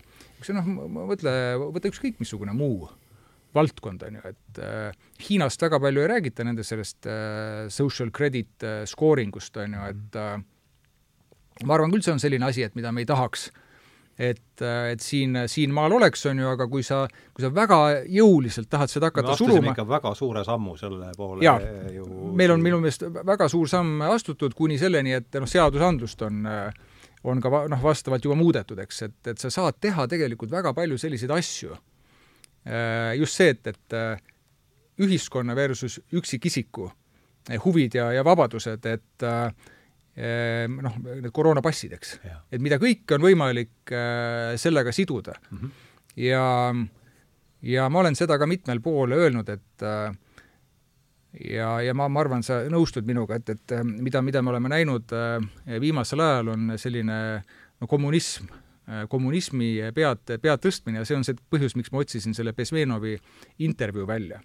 et kuidas kommunistlik Venemaa, eks ole, tahtis äh, demoraliseerida äh, siis demokraatlikku lääne ühiskonda mm. -hmm. ja see, mismoodi täna räägitakse, missuguste sõnadega, no seesama, seesama üksikisiku vabadused versus see, mis on ühiskonnale vaja, see on see kommunismi see, et, et igale ühele vastavalt tema vajadustel ja igalt ühelt vastavalt tema võimalustele et kas me oleme, me oleme minu arust täitsa kiirteel ja sinna. ühiskond on, tuletame meelde, ka ikkagi väga, väga amorfne sõna, see on ikkagi lõpuks on ikkagi ka mingi niisugune no, täpselt. Grupp vandenõulasi käes on ikkagi ja rahvas. ma mõtlesin, et ma mõtlesin, et ma võtan täitsa siia need raamatud kaasa, et et mida, mida ma olen varem lugenud ja mida ma uuesti sirvisin läbi, siis ma ei, ei viitsinud võtta, et et äh, Atlas Shrugged, Ain Rand kelle nimi oli siis Alissa, mis ta nimi oli, Alissa Rosenbaum. ta oli ju, äh, ta oli äh, Venemaal sündinud, see Atlas Shrugged on kirjutatud äh, tuhat üheksasada viiskümmend seitse. see on selline korralik tellis. viiskümmend seitse ütled või? tuhat üheksasada viiskümmend seitse. ja see on, see Ain Rand oli siis ta kirjaniku nimi ja ta oli noh, veendunud kapitalist, kuna ta nägi seda, mis siis kodumaal või Venemaal toimus ja ta noh, läks elama siis Ameerikasse ja see, et äh, keegi ütles jube hästi, et miks see raamat on nii paks, ta tõepoolest kordab aeg-ajalt ja seal mm -hmm. on mhm. see, et John Galt on siis selline mässaja, teadlane, äh, sa lugesid läbi, puurisid läbi ennast sellest tellisest? ja, ja ma puurisin läbi ja mulle noh, jättis see kustumatu äh, mulje. millal sa lugesid seda? no mitu aastat tagasi mm. -hmm. ja ja seal on noh, keegi ütles, et miks ta nii paks, on see, et, et sa saaksid sotsialism, sotsialistile sellega lihtsalt vastu pead taguda, et niikaua, kui ta saab aru, et, et see ei ole jätkusuutlik et, et seal noh, ta tõesti, ta mingisuguseid teemasid kordab, aga see, selle raamatu point on, ma väga vabandan, et kui ma teen niisuguse labase kokkuvõtte, aga aga sisuliselt sul on selline gängstervalitsus. Looters on inglise keeles nimetatakse neid, ma ei tea, kas see raamat üldse on eesti keeles ilmunud et kes ütlevad, et äh, need, need, need ja need ettevõtted, nad teenivad liiga palju. et meil on vaja neid, siis nad võtavad need ettevõtted üle. ja siis see raamat algab sellise küsimusega Who is John Galt? ja see Who is John Galt, see, see läheb rahva sees selliseks nagu, nagu selliseks sala, sala nagu hüüuks. John Galt on järsku lõplik kasusaaja või? ei, John Galt oli üks mässaja ah,, kes okay, leiutas ühe, ühe masina Aha. ja kes põgenes äh, selle süsteemi eest oh,. ja siis hakkas, äh, ja siis hakkas endaga kaasa kutsuma äh, ettevõt-, edukaid ettevõtjaid, leiutajaid, kellel tegelikult maailm püsib mm. -hmm. ja siis, kui need, need valitsuse liikmed, noh, kes olid siis need sotsialistid, eks, avastasid, et nad on hädas, nad, siis need, need ettevõtjad, nad, nad põgenesid ühte kohta, Colorados kuskil, et nad, neil oli selline mingisugune varjend, et neid pealt ei näinud, siis nad tegid sinna oma ühiskonna. võtsid kasutusele oma kullal põhineva valuuta Aha. ja ütlesid, et me tagasi ei lähe enne, kui eh, see süsteem ise kokku kukub. ja, ja noh, niimoodi oligi. ja seal on palju, palju muid, muid liine ka aga, aga just, et, et noh, ja, ja ta seda, väga mitmes kastmes rääkis kogu aeg, et, et kuidas nüüd see ettevõte, eks ole, muutus liiga võimsaks, siis tulid need äh, luuterid tulid sisse, ütlesid, et kuulge, et noh, me võtame nüüd selle ettevõtmise üle, me teeme seda ise, on ju, ja noh, omamata iga noh, mingisugustki äh, oskust seda teha, eks äh,. siis äh, Brave New World, on ju. seda ma olen, seda ma olen ka üle, üle lugenud, et äh, Aldous Huxley Äh, see nüüd, äh, ja selle kohta on, äh, on öeldud, kusjuures ma lugesin läbi ka selle, kes ta oli siis, Samjatin seda mulle muuseas meie ja, ja meie jaa ja. mina no, sa lugesid seda, jah? ma lugesin seda jah, mulle soovitas seda muuseas Henri, või? ma hakkasin seda lugema jaa, aga ma ei, ma ei lõpetanud seda. ma, ma soovitan lugeda mõlemad see... läbi, nii see Brave New World kui Samjatini see Meie, sest Henri mm -hmm. Laupmaa äh, ütles, et ma kuskil postitasin, et näe, Brave New World, et väga sarnane sellele, mis me täna näeme, ütles, et loe seda Meiet ka. ja siis ma kuskilt lugesin, et äh, Aldous Huxley't oli süüdistatud plagiaadis et ta on niivõrd sarnane. Orwelli ka. Äh, noh, Orwell tuli veel, veel hiljem et see jada oli niimoodi, et äh, Samjatin äh,, Huxley ja Orwell. Orwell oli nelikümmend üheksa, ma panin endale kirja, Samjatin oli USA-s oli kakskümmend neli ja Brave New World oli tuhat üheksasada kolmkümmend kaks no kui sul on kirjas, siis on et nad olid, äh, olid, et, et siis Huxley oli äh, siis Huxley Orwelli selline noh, kas, kas just mentor, aga et Orwell sai siis temalt Mm -hmm. ja ei, ma lihtsalt seda mõtlesin, miks nad on, on plagiaadi või miks ta võis saada selle plagiaadi süüdistuse, et nad mõlemad olid äh, noh, nad on ikkagi sarnased, et, et ähm, jah. jah, kolmkümmend kaks, jah, sul on õigus. Ja noh, kui sa võrdled Orwelli ja, ja ma ei mäleta, kes see seda ütles, minu meelest jube hästi, et et, et need raamatud, noh, kõik need raamatud, minu, minu pärast kas või see Fahrenheit ma ei tea, millal see kirjutati, Fahrenheit oli see, kus raamatud põletati, eks. et sul olid äh, mingid kes inim... selle autor on? Bradbury, Ray Bradbury mm. -hmm. et ma need äh, olen, äh, kunagi lugesin läbi seda Brave New Worldi, ma olen nüüd kaks korda lugenud, et et ta on, nad on, nad on selles mõttes erinevad, et kui see Brave New World on selline, kus sul on selline, see düstoopia on nagu naudingutele üles ehitatud, et sul on nii ägedaks tehtud, aga kõik on tehnoloogiline. Tehnoloogia on igalt poolt, käib läbi nii Samjatinil, mis oli juba kahekümnendatel, sul on see mingi kosmoselaev või midagi nad seal ehitasid, äh, Brave New World on tehnoloogiline, Orwell on, kõik on tehnoloogiline, et üks on naudingutele, et sul ei ole oma mina, individualism sul, see oli vist niimoodi, et kui lapsed magavad, neid kuidagi äh, Äh, siis hüpnotiseeritakse. see läks juba eostamise tasandil minu meelest juba hakkas asi ja siis oli, seal oli see narkootikum, oli see sooma, et mida antakse, kui sul läks mott maha.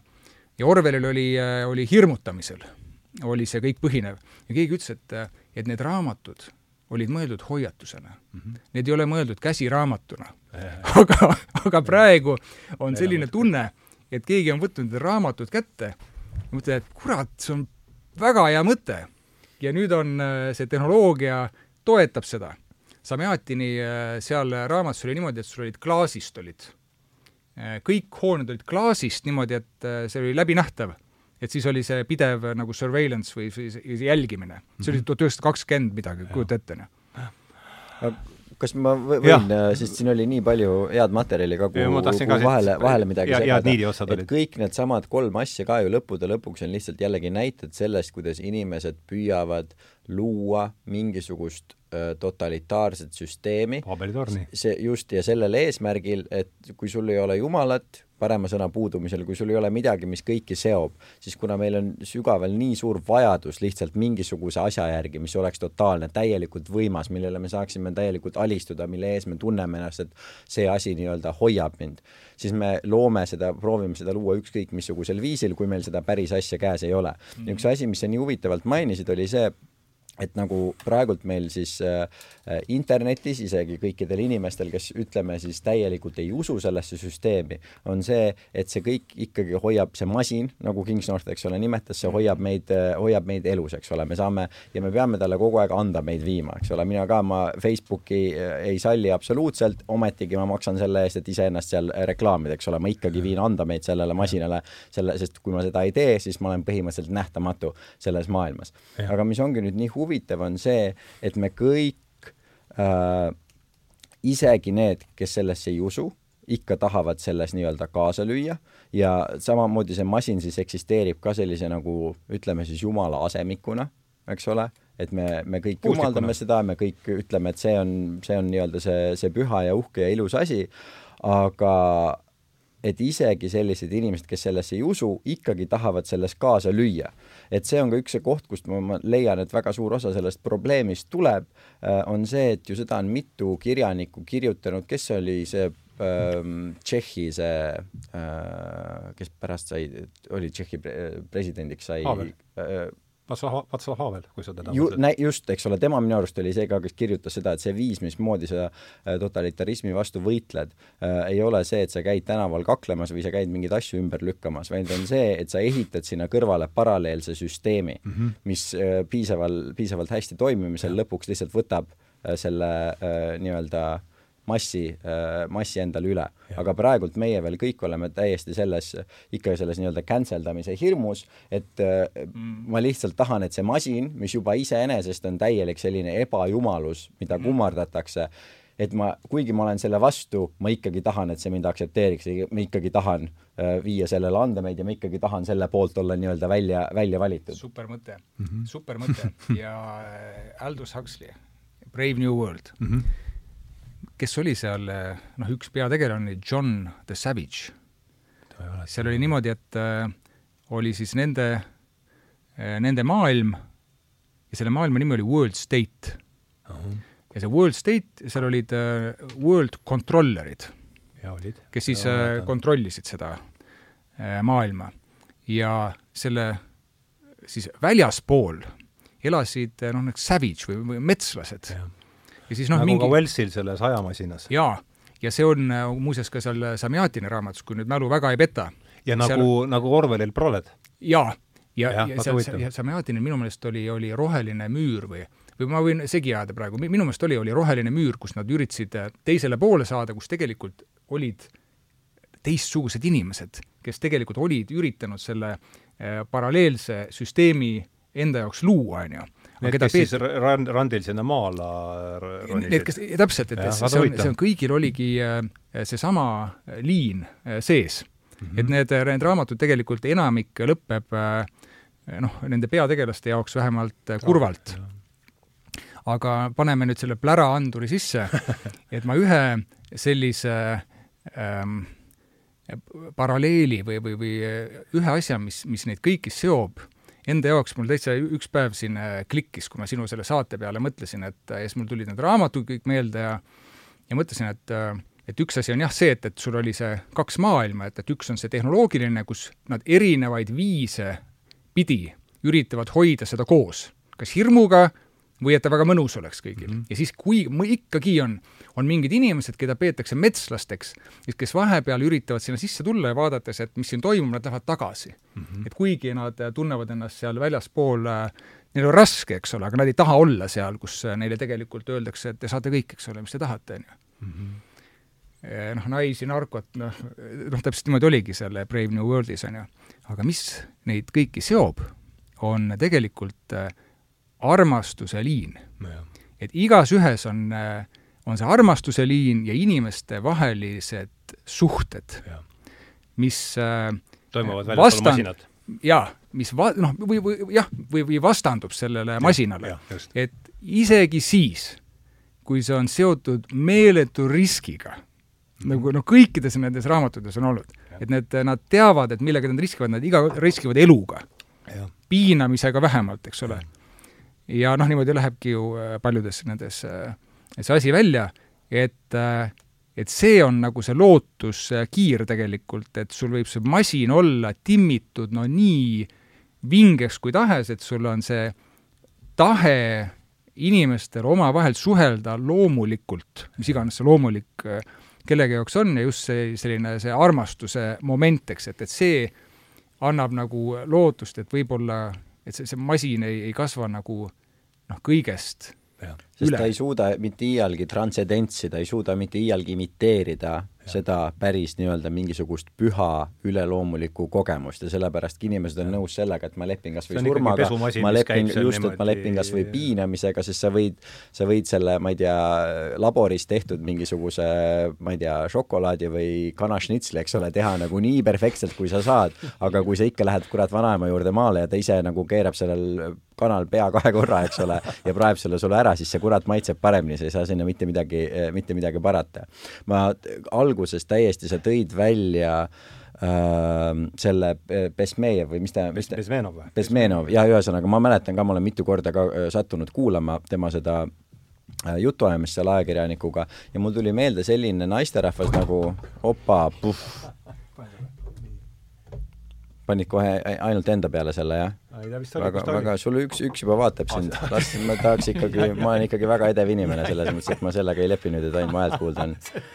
Äh, aga ühesõnaga selline naisterahvas nagu, nagu Jo-, Jon Mi Park, kui te olete kuulnud, Põhja-Korea äh, äh, Peterson tegi temaga Inteka järski või? Peterson tegi ka vist temaga Inteka, seda ma nüüd ise ei ole kuulnud äkki, aga ma kui ta rääkis kellegi, kellegi teisega, siis ühesõnaga Jon Mi Park põgenes Põhja-Koreast, kõik me teame ja kõigi, kõiki meid hirmutatakse sellega, kui kohutav koht see Põhja-Korea on, tema ütles, et täpselt nii ongi ja mis ta siis ütles, on see, et ta läks Ameerikas, ta läks Yale'i ülikooli eks ole mm, -hmm. mis on maailma ülikoolide tippude, tippude tipp. Ja ta ütles, et see ajupesu, ja see ajupesu, mis talle tehti Yale'is, ta ütles, et see oli hullem kui see, mis ma kogesin Põhja-Koreas. ehk siis äh, mis iganes viisil see on juhtunud, kas on juhtunud ja. läbi hiinlaste ja läbi venelaste väga kavala, eks ole, salasepitsuste, et Ameerika sellisesse kohta viia või see on juhtunud läbi nende enda idiootsuse, arvatavasti kõikide asjade koosmõjul, siis see on seal juhtunud ja see on minu jaoks jälle üks nagu mõte, mida ma kogu aeg uuesti ja uuesti välja toon, sest see on minu arust üks kõige olulisem asi selle jaoks, et mõista, mismoodi elu ja meie reaalsus toimib. Äh, see on tõsi füüsikas, see on tõsi sinu elus, see on tõsi poliitikas, see on tõsi kõiges.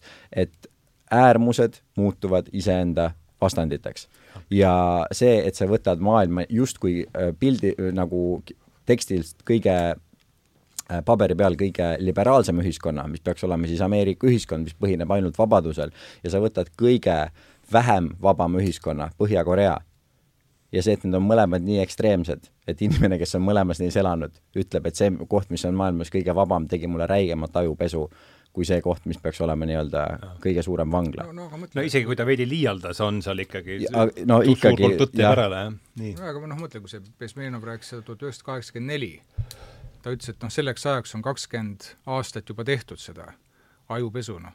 praeguseks on, see on siis praegu nelikümmend aastat hiljem, et äh, see on siis korda kolm, kolm põlvkonda noh, nippa-nappa läheb sinna juba sisse, et, et pole, pole ime tegelikult no.. Ma seda ei jõudnud, seda quote'i äh, või seda tsitaati ei jõudnud kontrollida, et kas päriselt ka Albert Einstein ütles, aga see läheb minu meelest hästi kokku selle tehnoloogiaga, et et ma kardan päeva, mil tehnoloogia saab inimkonnast võitu, siis on tulemuseks terve põlvkond idioote noh, minu meelest võtab selle, selle no, jutu, jutt, jutu hästi kokku ja ma sattusin kuulama äh,, täiesti üllatav äh, külaline oli Joe Roganil, oli Mark Zuckerberg. nüüd alles hiljuti ah,. käis või? nüüd mm -hmm. hiljuti käis, jah vaatasid ka, vaatasid läbi või? ma vaatasin läbi, jah. oleks oodanud rohkem sellist äh, nagu teravust seal võib-olla, aga aga ta rääkis nagu väga pikalt sellest, et mis tema arvates on trend ja see trend on, noh, meie räägime siin inimestest ja võib-olla loodusest ja see, see, seal on see trend on hoopis teine, et metaverse. et noh, sul on, täna on noh, päris palju selliseid miljonäre juba, kes teenivad raha sellega, et nad müüvad kinnisvara, digitaalset kinnisvara. noh, mul ei võta pea seda. ma ütlen ausalt, et mul, mul, mul ei võta kinni, noh, et, et, et, et noh, mis asja. ma, ma täitsa noh, mõtlen niimoodi, et aah, ja see läheb selle jutu algusega, vaata, et kui mina nüüd olen noh, varsti on viiskümmend juba, on ju et kas ma varsti tõesti oma poja jaoks olen nagu see noh, täitsa nagu äh, pole mõtet kuulata, et kuna ma ei saa sellest metaversis, ma ei taha olla virtuaalses keskkonnas.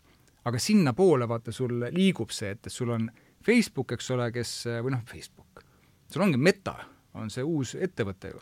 et nemad näevad, nad on investeerinud sinna kümneid miljardeid sinna, et ehitada süsteemi, kus inimene elaks virtuaalses maailmas mm. -hmm. aga see on täpselt sellesama, see Brave New World ja see on täpselt sama asi, see on lihtsalt ütlengi, natukene viidud te, nagu teistsugusesse tehnoloogia, tehnoloogia on läinud lihtsalt äh, palju hullemaks, vaata, et ma ei pea kuskile nagu minemagi, on ju, et, et sul ei pea olema nagu infrastruktuuri et piisab see, et, et ma panen endale ilusad prillid ette, praegu pidi töötama välja, et prillid oleks kihvtid.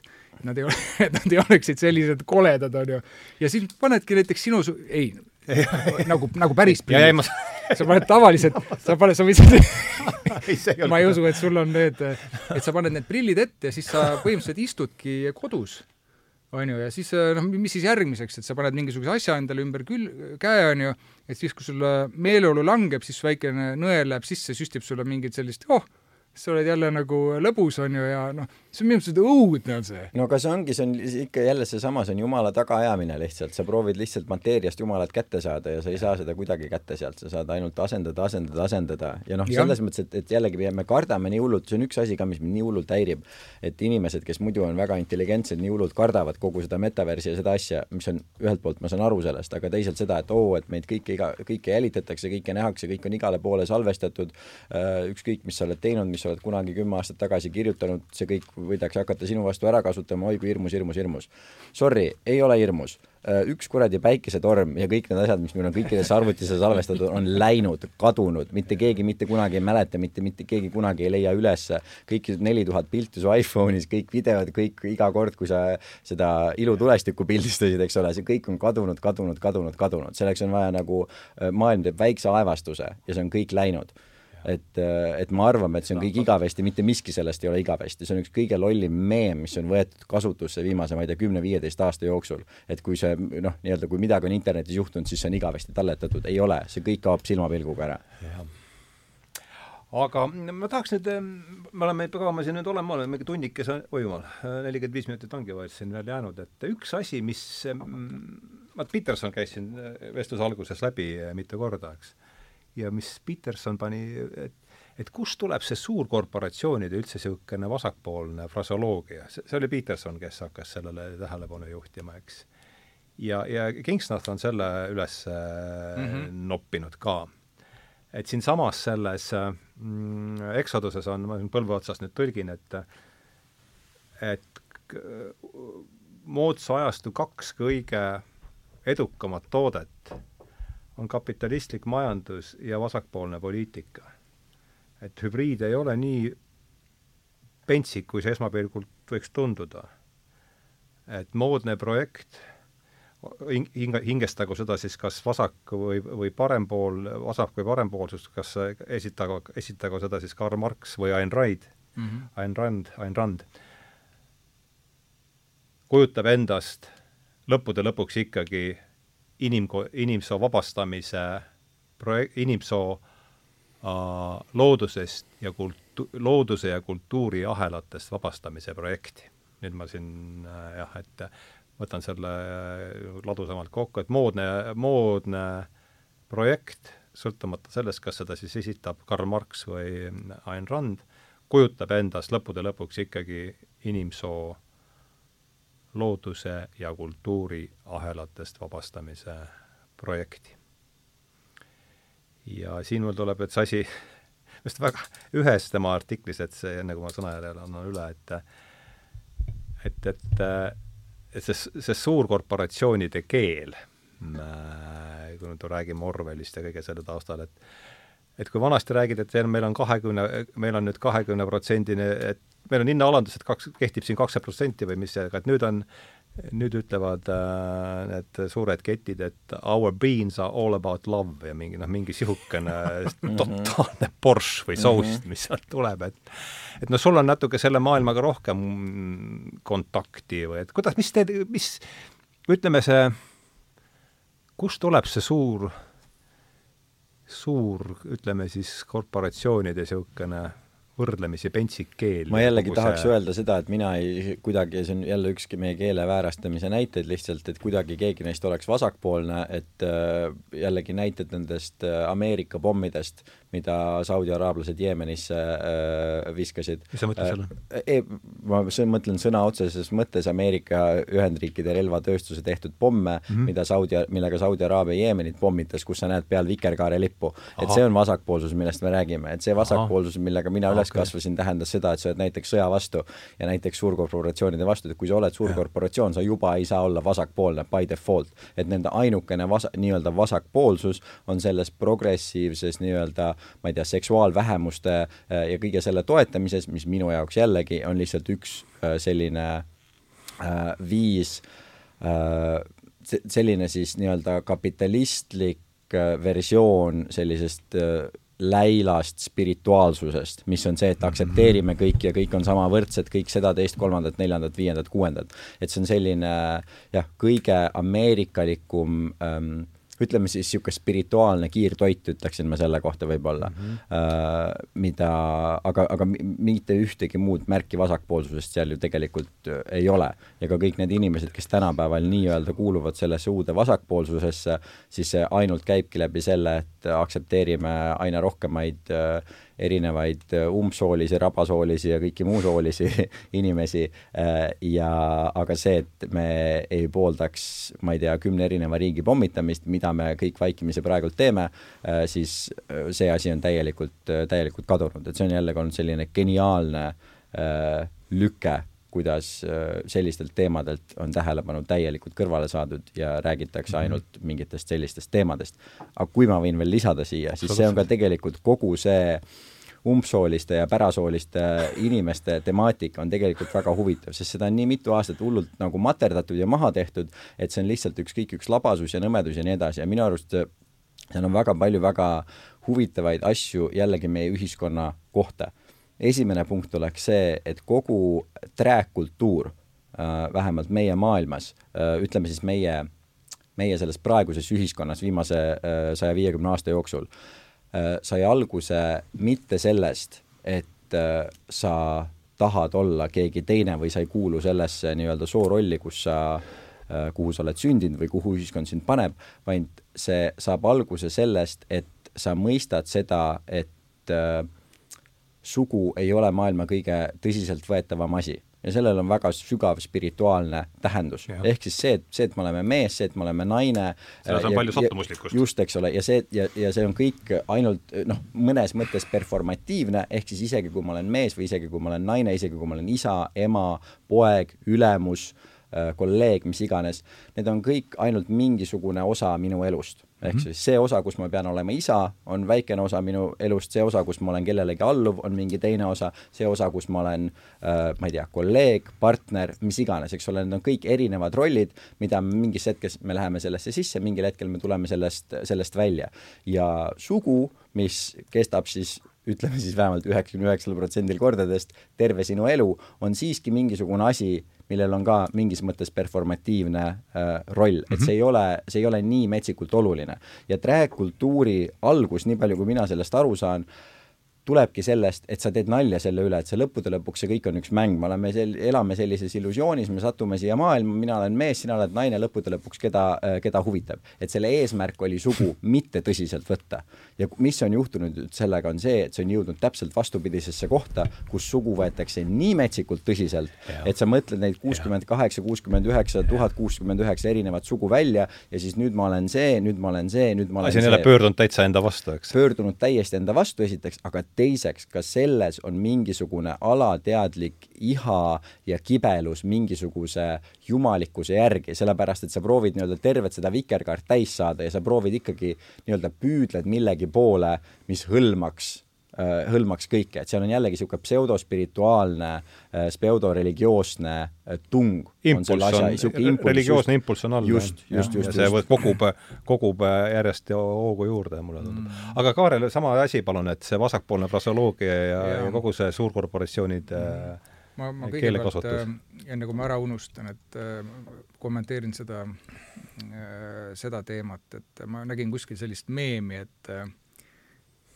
et suurem küsib väiksemalt, et et kuidas see oli, et, et ühesõnaga point oli see, et, et kuidas saada seda, mida, mida sa tahad. väike küsis suurelt, et mm -hmm. kuidas saada seda, mida ma tahan. ja siis suur ütles, et ütle, et sa oled solvunud. ja väga palju vaata seda noh, mis tahes valdkondades, kas me nimetame seda vasakpoolseks või mingisuguseks neoliberaalseks või selliseks uueks äh, või, või mis iganes, kui sa oled solvunud ja sinu taha koondub piisavalt suur hulk inimesi mm, -hmm. siis äh, see on mingisugune liikumine juba, kes on solvunud ja kui ta saavutab mingi piisavalt suure massi, siis äh, kes on nagu selle vastu, siis neid hakatakse tühistama. Ma arvan, me näeme seda päris, päris mitmes kohas. ja kuna me räägime, pidime rääkima sellest Paul Kingsnorthist, et me oleme tema unarusse jätnud korraks, et ma, ma korra, korra tsiteerin, et ma mhm. panin just paar mõtet seoses sellega kirja mm. -hmm. et, et tavaliselt oleme pidanud loomulikuks et vasakpoolsetele teeb muret korporatsioonide ja riigi kokkukasvamine ja võimumonopol mm. -hmm. tsensuur meedias ja muud asjad, millest nad on aastaid rääkinud. Ühtäkki mm -hmm. pooldasid nad neid kõiki. ta viitab siis äh, eelnevatele aastatele. siis ta läheb veel edasi, aga ma ka jätan vahe, osa vahele, et parempoolsed on konservatismist lahti öelnud ning seisavad vaba turu eest yeah vasakpoolsed on võtnud omaks tuhat üheksasaja kuuekümnendate aastate radikaalse individualismi ja jätnud töölisklassi oma pead.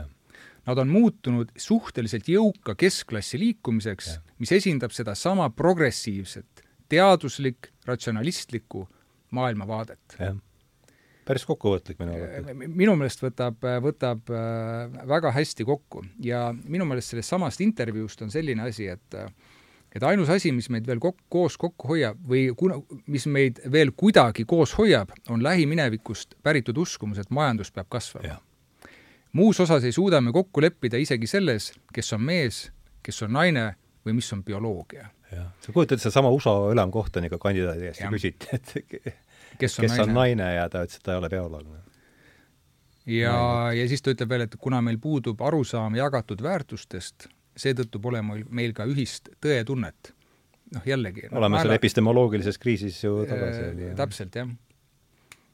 aga see, et sa, sa alguses küsisid jah, et, et miks, miks ettevõtted, see, see on jah, selline noh, ma, ma kardan üldistada, et miks, aga aga mulle tundub, et on ikkagi äh, ütleme, sellele astutakse ka vastu, eks, et äh, noh, vaata, mis juhtus Disneyga näiteks ja. Äh, seal Floridas ja äh, mulle tundub, et see on natukene selline no vähemalt siit, siin veits kaugem teema. et seal on ikkagi see, see sinise ja punase vaheline võitlus käib, et seal on tõesti võib-olla noh, nagu see Kingsnorth ütleb, et kuuekümnendates, jälle see kuuekümnendatel ta tuleb, et viiekümnendatel, kuuekümnendatel hakkas mingisugune muutus, muutus pihta, mis, mis tänaseks on, on viinud sellise nagu äraspidise äh, Äh, maailma, maailmapildini nagu, nagu mitmes mõttes, et see läheb nagu aina pöörasemaks. jah, järjest pöörasemaks. et ta läheb aina pöörasemaks, et sa enam nagu ei saagi aru, et, et kes mille eest äh, nagu, nagu seisab. et see jah, et mulle tundub, et äh, me saame jällegi rääkida sellisest äh, tehnoloogilisest võimekusest, et sul on äh, noh, eeldatakse, et sulle pakub või sinu klientidele või sinu investoritele pakub mingi teema huvi ja et see on turvaline see on turvaline, kui sa ütled, et meie ka seisame selle eest Mm -hmm. ja siis, äh, no mulle endale tundub vähemalt, et siis see lumepall hakkab, äh, hakkab nagu liikuma ja liikumist ta kasvab nagu suuremaks ja suuremaks, suuremaks ja siis mingisugune valdkond, mis tegelikult on noh, marginaalne mm. -hmm. Noh, ükskõik, kuidas me seda arvutame, see on, see on nagu marginaalne teema, ta satub, muutub nagu nii suureks, eks ole.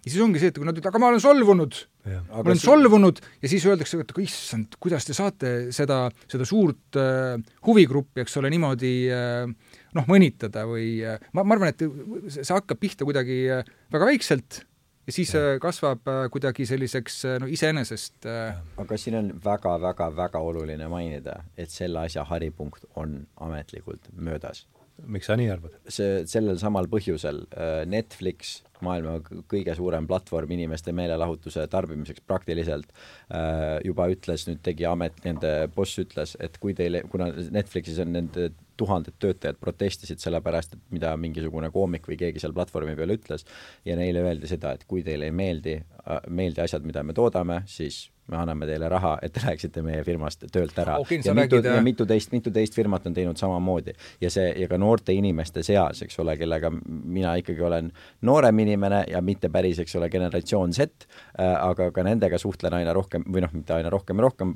paljud minu sõbrad on sellest generatsioonist, et see, see haripunkt on paratamatult möödas. ja kuna nii ruttu juhtus seesama asi, mida tema mainib, et kuidas oli nii, et vasakpoolsed on sellised ja järsku on sellised, parempoolsed sellised ja järsku on sellised, siis see asi, millel mina soovitaksin praegult silma peal hoida, on see, et kohe varsti toimub järgmine selline äh, asjade pea peale äh, pööramine. et kui praegult jälle keegi mõtleb, et oi, ma enne arvasin, et ma olen vasakpoolne, aga nüüd ma küll enam niimoodi ei arva, ma hakkan olema parempoolsete poolt, siis pane tähele, läheb mööda kaks aastat või viis aastat või kümme aastat ja siis sa oled täpselt samas olukorras, et kui sa otsustad lihtsalt nagu oma eluvalikut teha jälle selle põhjal, et mida teevad need, kelle vastu sina oled ja sa hakkad lihtsalt vastupidiselt käituma, siis sa viie või kümne aasta pärast avastad, et sa jälle toodad sedasama asja, mille vastu sa ise arvasid, et sa oled. et mina, mina olen, ma olen veendunud, et selle asja haripunkt on möödas. Mm Mm, mina ei ole.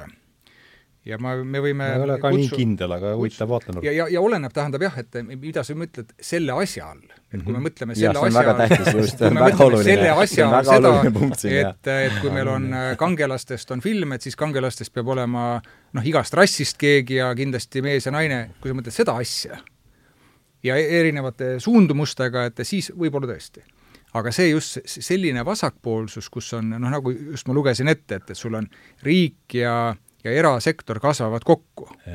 ehk et äh, noh, seesama kommunismi teema jälle, et, et eraomandi äh, puudumine, mina arvan, et see on äh, alles ees. ja seda, sellega ma olen nõus. ja, ja, ja, ja miks ma arvan, et see on ees, ma mõtlesin tükk aega, et kas ma võtan siin selle teemaks või mitte, aga, aga ei, ma ikkagi võtan mm. -hmm. See on see World Economic Forum, eks see on ju Davose sats sa mõtled siis? jaa mm, -hmm. ja, ja Mr Schwab, eks. et see on ju ettevõtjate ühendus, eks. see ei ole mingisugune avalik sektor mm. -hmm. ja noh, te kõik olete kuulnud seda, seda kuulsat fraasi, eks, et you will own nothing and you will be happy see on, see ei ole, see ei ole mingisugune vandenõuteooria kusjuures selle kohta on tehtud faktikontrolli. Äh, ma ei mäleta, kas Eestis või, või kuskil välismaal, et et see, keegi kuskil postitas ja siis äh, tehti faktikontroll, et et see ei tähenda seda, et et et see World Economic Forum tahab teie vara ära võtta. see oli faktikontroll mm. -hmm nad on, nad on ise, see on, see on nende noh, mingisugustes reklaamides jookseb, kui sa täna lähed sinna kodulehele, no sa näed seda, eks ole. ja kui me nüüd mõtleme nagu, nagu sinna taha, taga, et mida, mida selle, kui sa juba teed sellise slogani, eks ole, et sa ei oma midagi, seda on Eesti äh, muuseas, äh, kas Ringvaates või kuskil räägiti sellest, ajalehes loeti, et see on täitsa hea mõte ju. oli kommentaar, et polegi vaja autot kõigil, on ju aga mõtleme noh, natukene edasi sealt, et mida me just praegu rääkisime, et sul on see vasakpoolne liikumine on muutunud selliseks, kus on siis riigi ja erasektori selline sidusus mm -hmm. ja tsenseeritud meedia. nii. ja nüüd on siis, äh, et ma ei oma midagi, aga ma olen õnnelik. Äh, ka, mida propageeritakse, et me hakkame sööma putukaid ja tõuke, sellepärast et see on kasulik Äh, maakerale. kusjuures ma üldse ei vaidle vastu, et see võib ka olla niimoodi, aga kui vaata, mingisugune suur organisatsioon seda mulle hakkab äh, ette kirjutama, mul tekib kohe tõrge sellega. ega neil see ma... poliitbüroo äh, Nõukogude Liidus ka ei omanud ju tehniliselt jälle väga, väga hea näide, noh. ja mul vaata, tekib esimene paralleel kohe sellega, et, et kommunism oli üles ehitatud samal põhimõttel ju. et kõik on ühisomandis aga siis oli ka ikkagi Orwelli sead olid, on ju. et tegelikult päris kõik ei olnud võrdsed, et oli, ühed olid natukene võrdsemad kui teised. ja nüüd, äh, aga mõtleme, ma arvan, et kapitalistlik, kapitalistlik, vabandust, süsteem ära ei kao.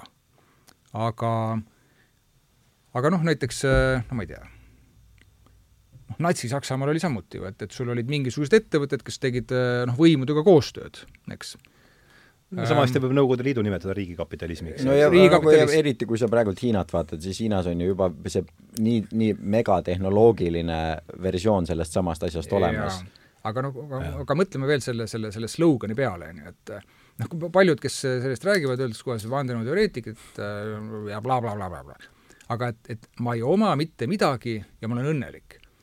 aga esimene küsimus, mis minul tekib, on see, kes siis omab mm? -hmm. kes siis omab?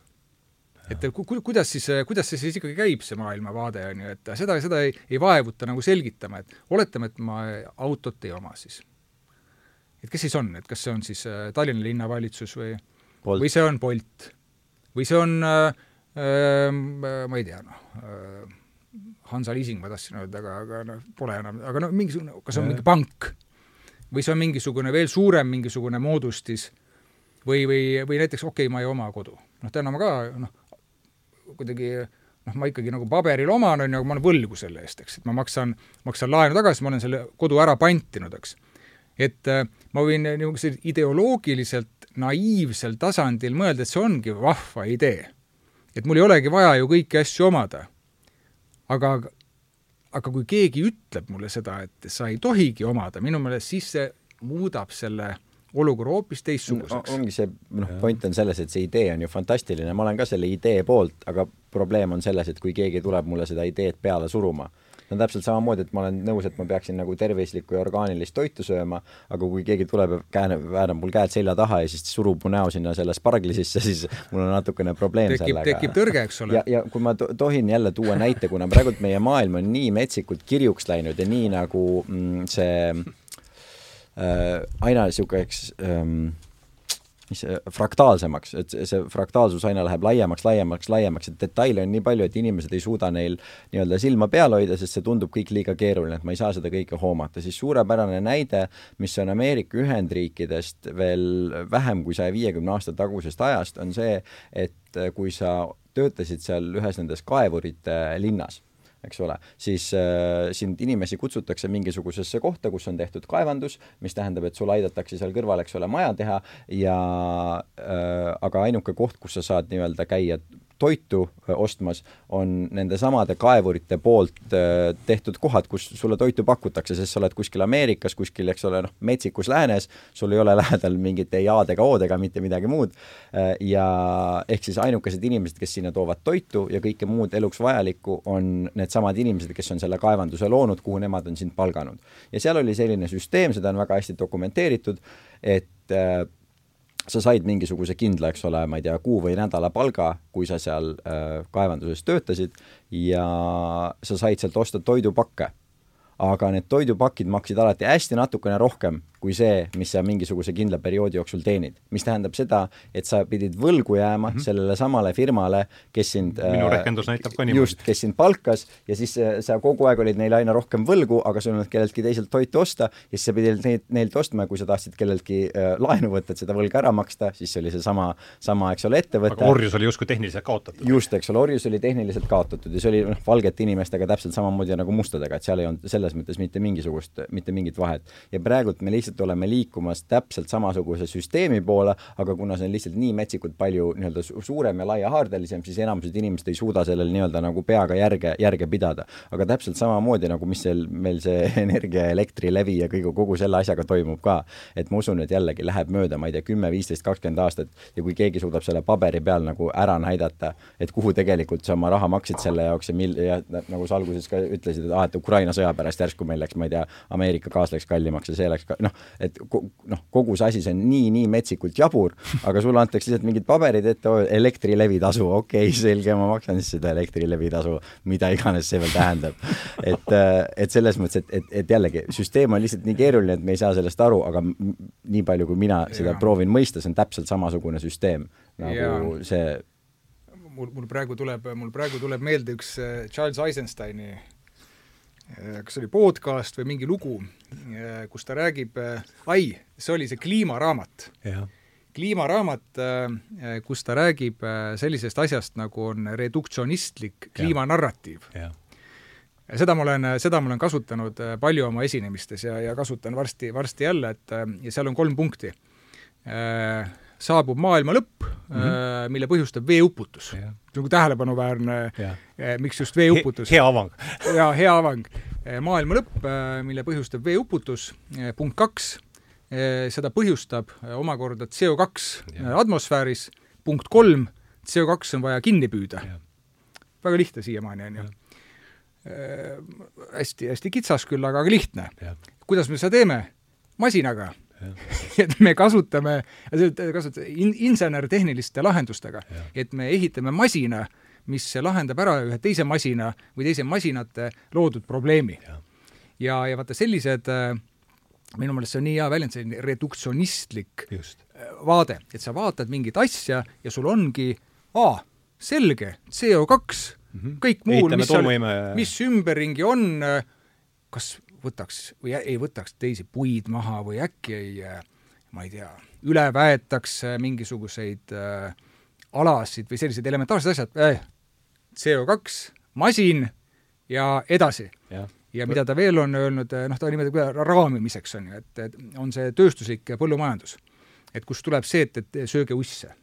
et ma ütlengi, et, et mul üks, mul üks sõber kusjuures tegeleb selle, selle valdkonnaga, et eh, noh, selline business lausa, et, et kuidas neid tõuke ja värke, et ma, ma ütlen, et mingil tasandil see on kõik okei okay,, on ju, aga kui sul hakkab tulema selline üldideoloogia, et nüüd on asjad nii halvasti, et kõik inimesed peavad äh, noh, praegu on ju see, et, et, et kasutage neid äh,, niiskeid rätikuid duši all käimise asemel.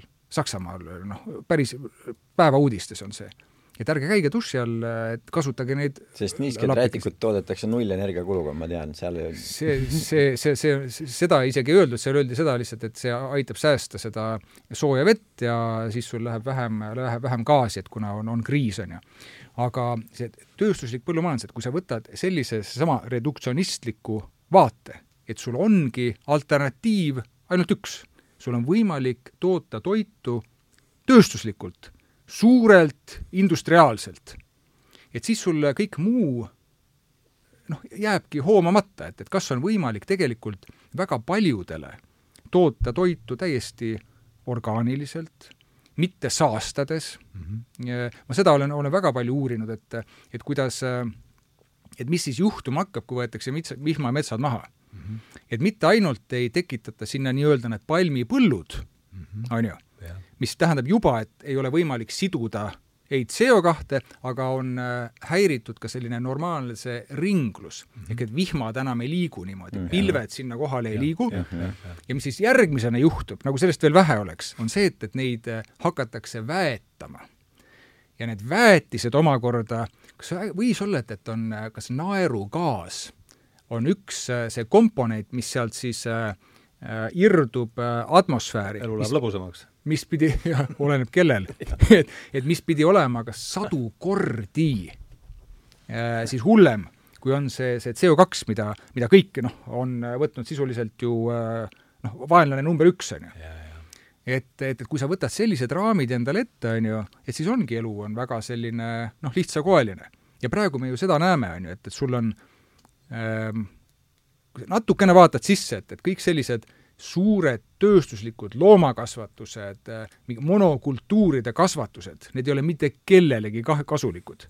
Need monokultuurid on üle väetatud, see maa, maa seal all, eks ole, ta on noh, sisuliselt rämps, et ta ei seo CO2, see toite väärtus Äh, nendes asjades on äh, hea, kui ta on noh, kümnendik, kahekümnendik. ja sinna otsa tulevad tõenäoliselt kõik need äh, probleemid, millest väga ei räägi, auto, autoimmuunhaigused ja mis siin kõik on. jaa, aga, aga, aga ongi, aga, aga see, see on seesama, see reduktsionistlik, eks, et sa võtad sellise lihtsa vaate, et see, seda on lihtne teha ja, ja kuna nüüd me vaatame, et jah, võib-olla maad nii palju pole, et, et saaks neid noh, lehmi kasvatada, et siis nüüd me otsustame, et see on kahjulik ja selle tõttu me nüüd sööme usse hoopis.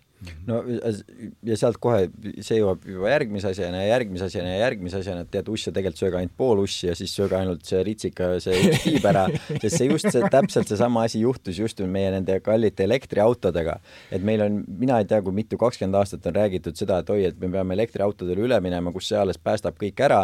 Ja nüüd alles viimase paari kuu jooksul üks nendest suurtest öö, mis iganes ametlikest nende asjade propageerijatest ütles seda, et noh, jah, tegelikult see on päris tõsi, mis on öeldud seda, et lihtsalt meil ei ole maakera peal piisavalt palju liitiumit ega igasuguseid muid metalle selle jaoks, et üldse toota nii palju akusid, et siis jah, sellest tegelikult ei ole piisavalt, et tegelikult te peate ikkagi vähem sõitma ka ja kui te selle elektriauto endale ostate, siis jah, te vahepeal ei saa seda laadida ehk siis see on mm. jällegi, et keegi on lihtsalt saanud hästi palju maad jälle rappida, äh, need kaks miljonit Kongo last, eks ole, kes meile seda äh, koobaltit kaevandavad, millest neid liitiumakusid tehakse, need on saanud endale kõikvõimalikud haigused äh, ja, ja kellelgi on taskud jälle raha täis ja lihtsalt maa on jälle vaesem, inimesed on haigemad ja hunnik äh, varsti kasutatud autosid on jälle, jälle tänavate peal. omaette, omaette saate, see on ka suur, suur sa mõtled millest? Äh, noh, sellisest keskkonna keskkonnateemadest ja sellisest, sellest kliima mm, -hmm. kliimapaanikast, et äh, et seda on ju äh, aastakümneid räägitud. see narratiiv muutub mhm. pidevalt mm. -hmm. lihtsalt see, see äh, Eisensteini loos oli see, et saabub veeuputus, varasemalt on olnud, et äh, maa külmub ära. praegu on see, et äh,, et ta, ta soojeneb ainult ühe asja tõttu, et mis ja. on see CO2, eks.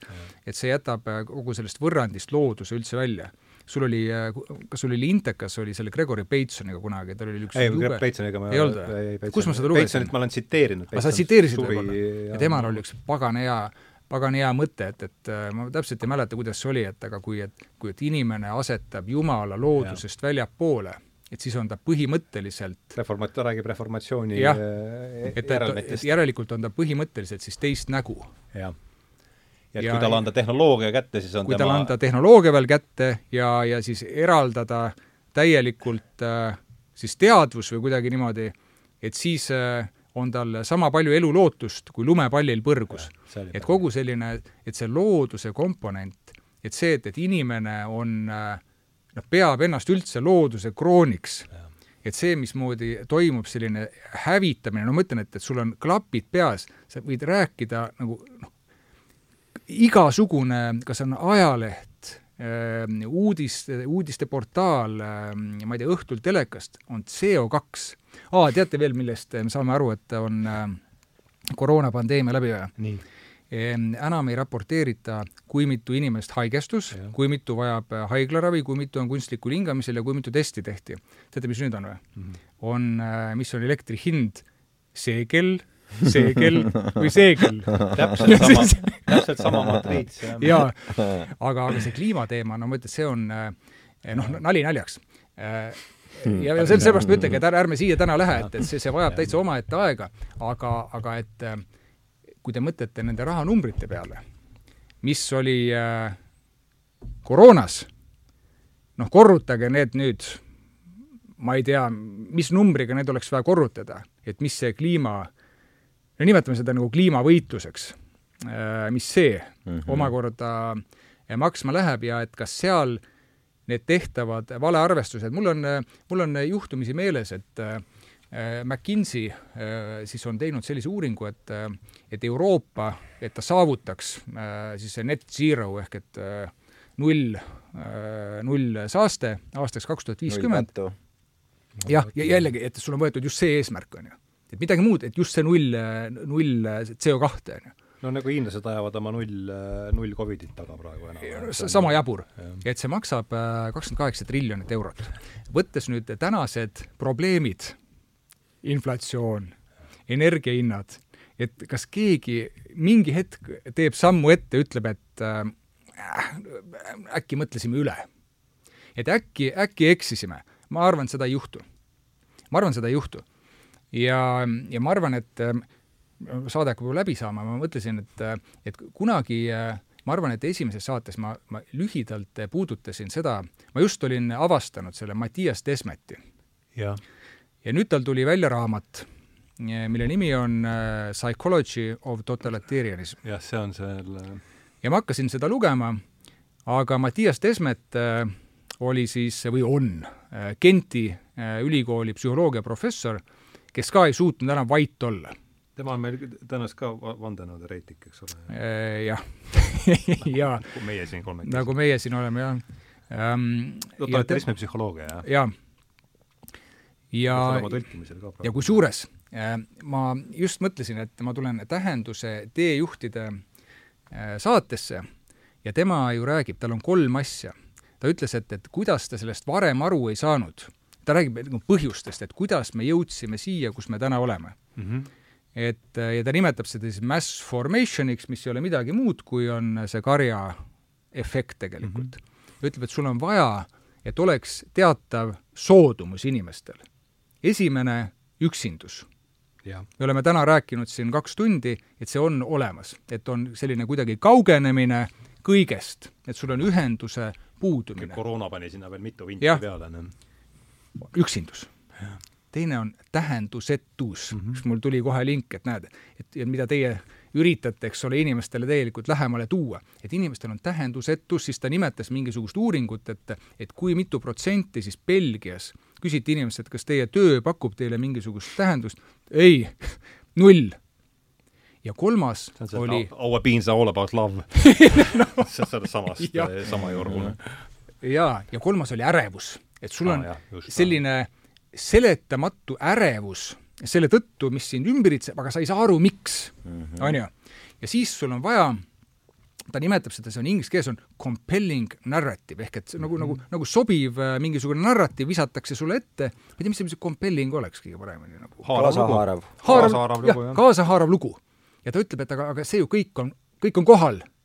kõik oli kohal juba ammu enne. Ja miks Eisenstein ütles, et, et tal oli see essee sisuliselt peas olemas juba, et ta nägi, et see on, kõik on paigas ja nüüd see lihtsalt äh, pandeemiaga virutati. ja Mattias Desmet ütleb ka, et et ta, ta, et ta, kuidas ta sellest varem aru ei saanud. et see on, kõik on olemas, et kui me näeme, et kui palju on inimestel on selliseid vaimseid hädasid, et, et nad on nagu no tõesti endaga hädas, eks. et nüüd sul anti mingi narratiiv mm -hmm. ja mis oli selle narratiivi eesmärk? dehumaniseerida. Ehk muuta ma masi-, ehk muuta masinaks? jaa, muuta masinaks ja siis hävitada, on ju.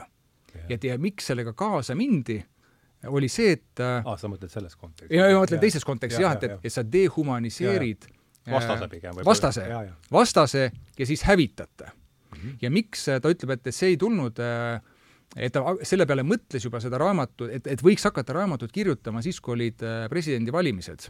USA-s? USA-s.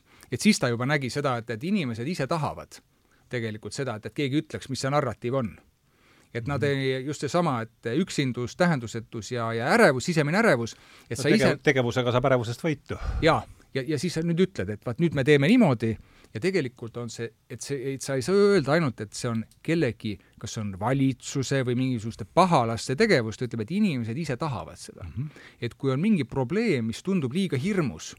Või liiga ohtlik, millega ise noh, pead vaevata või mõelda selle peale, et sa tahadki, et, et keegi ütleb, et vaat nüüd me teeme nii, need on vaenlased ja need me hävitame mm. -hmm. ja ma arvan, et see on see, mida Eisenstein kirjutab, Girardi sellest. just, Girardi, see patuaina põhimõtteliselt otsimine. jaa, sest see on mega-mega huvitav ja see Des-, Desmeti raamat sellest me natukene rääkisime.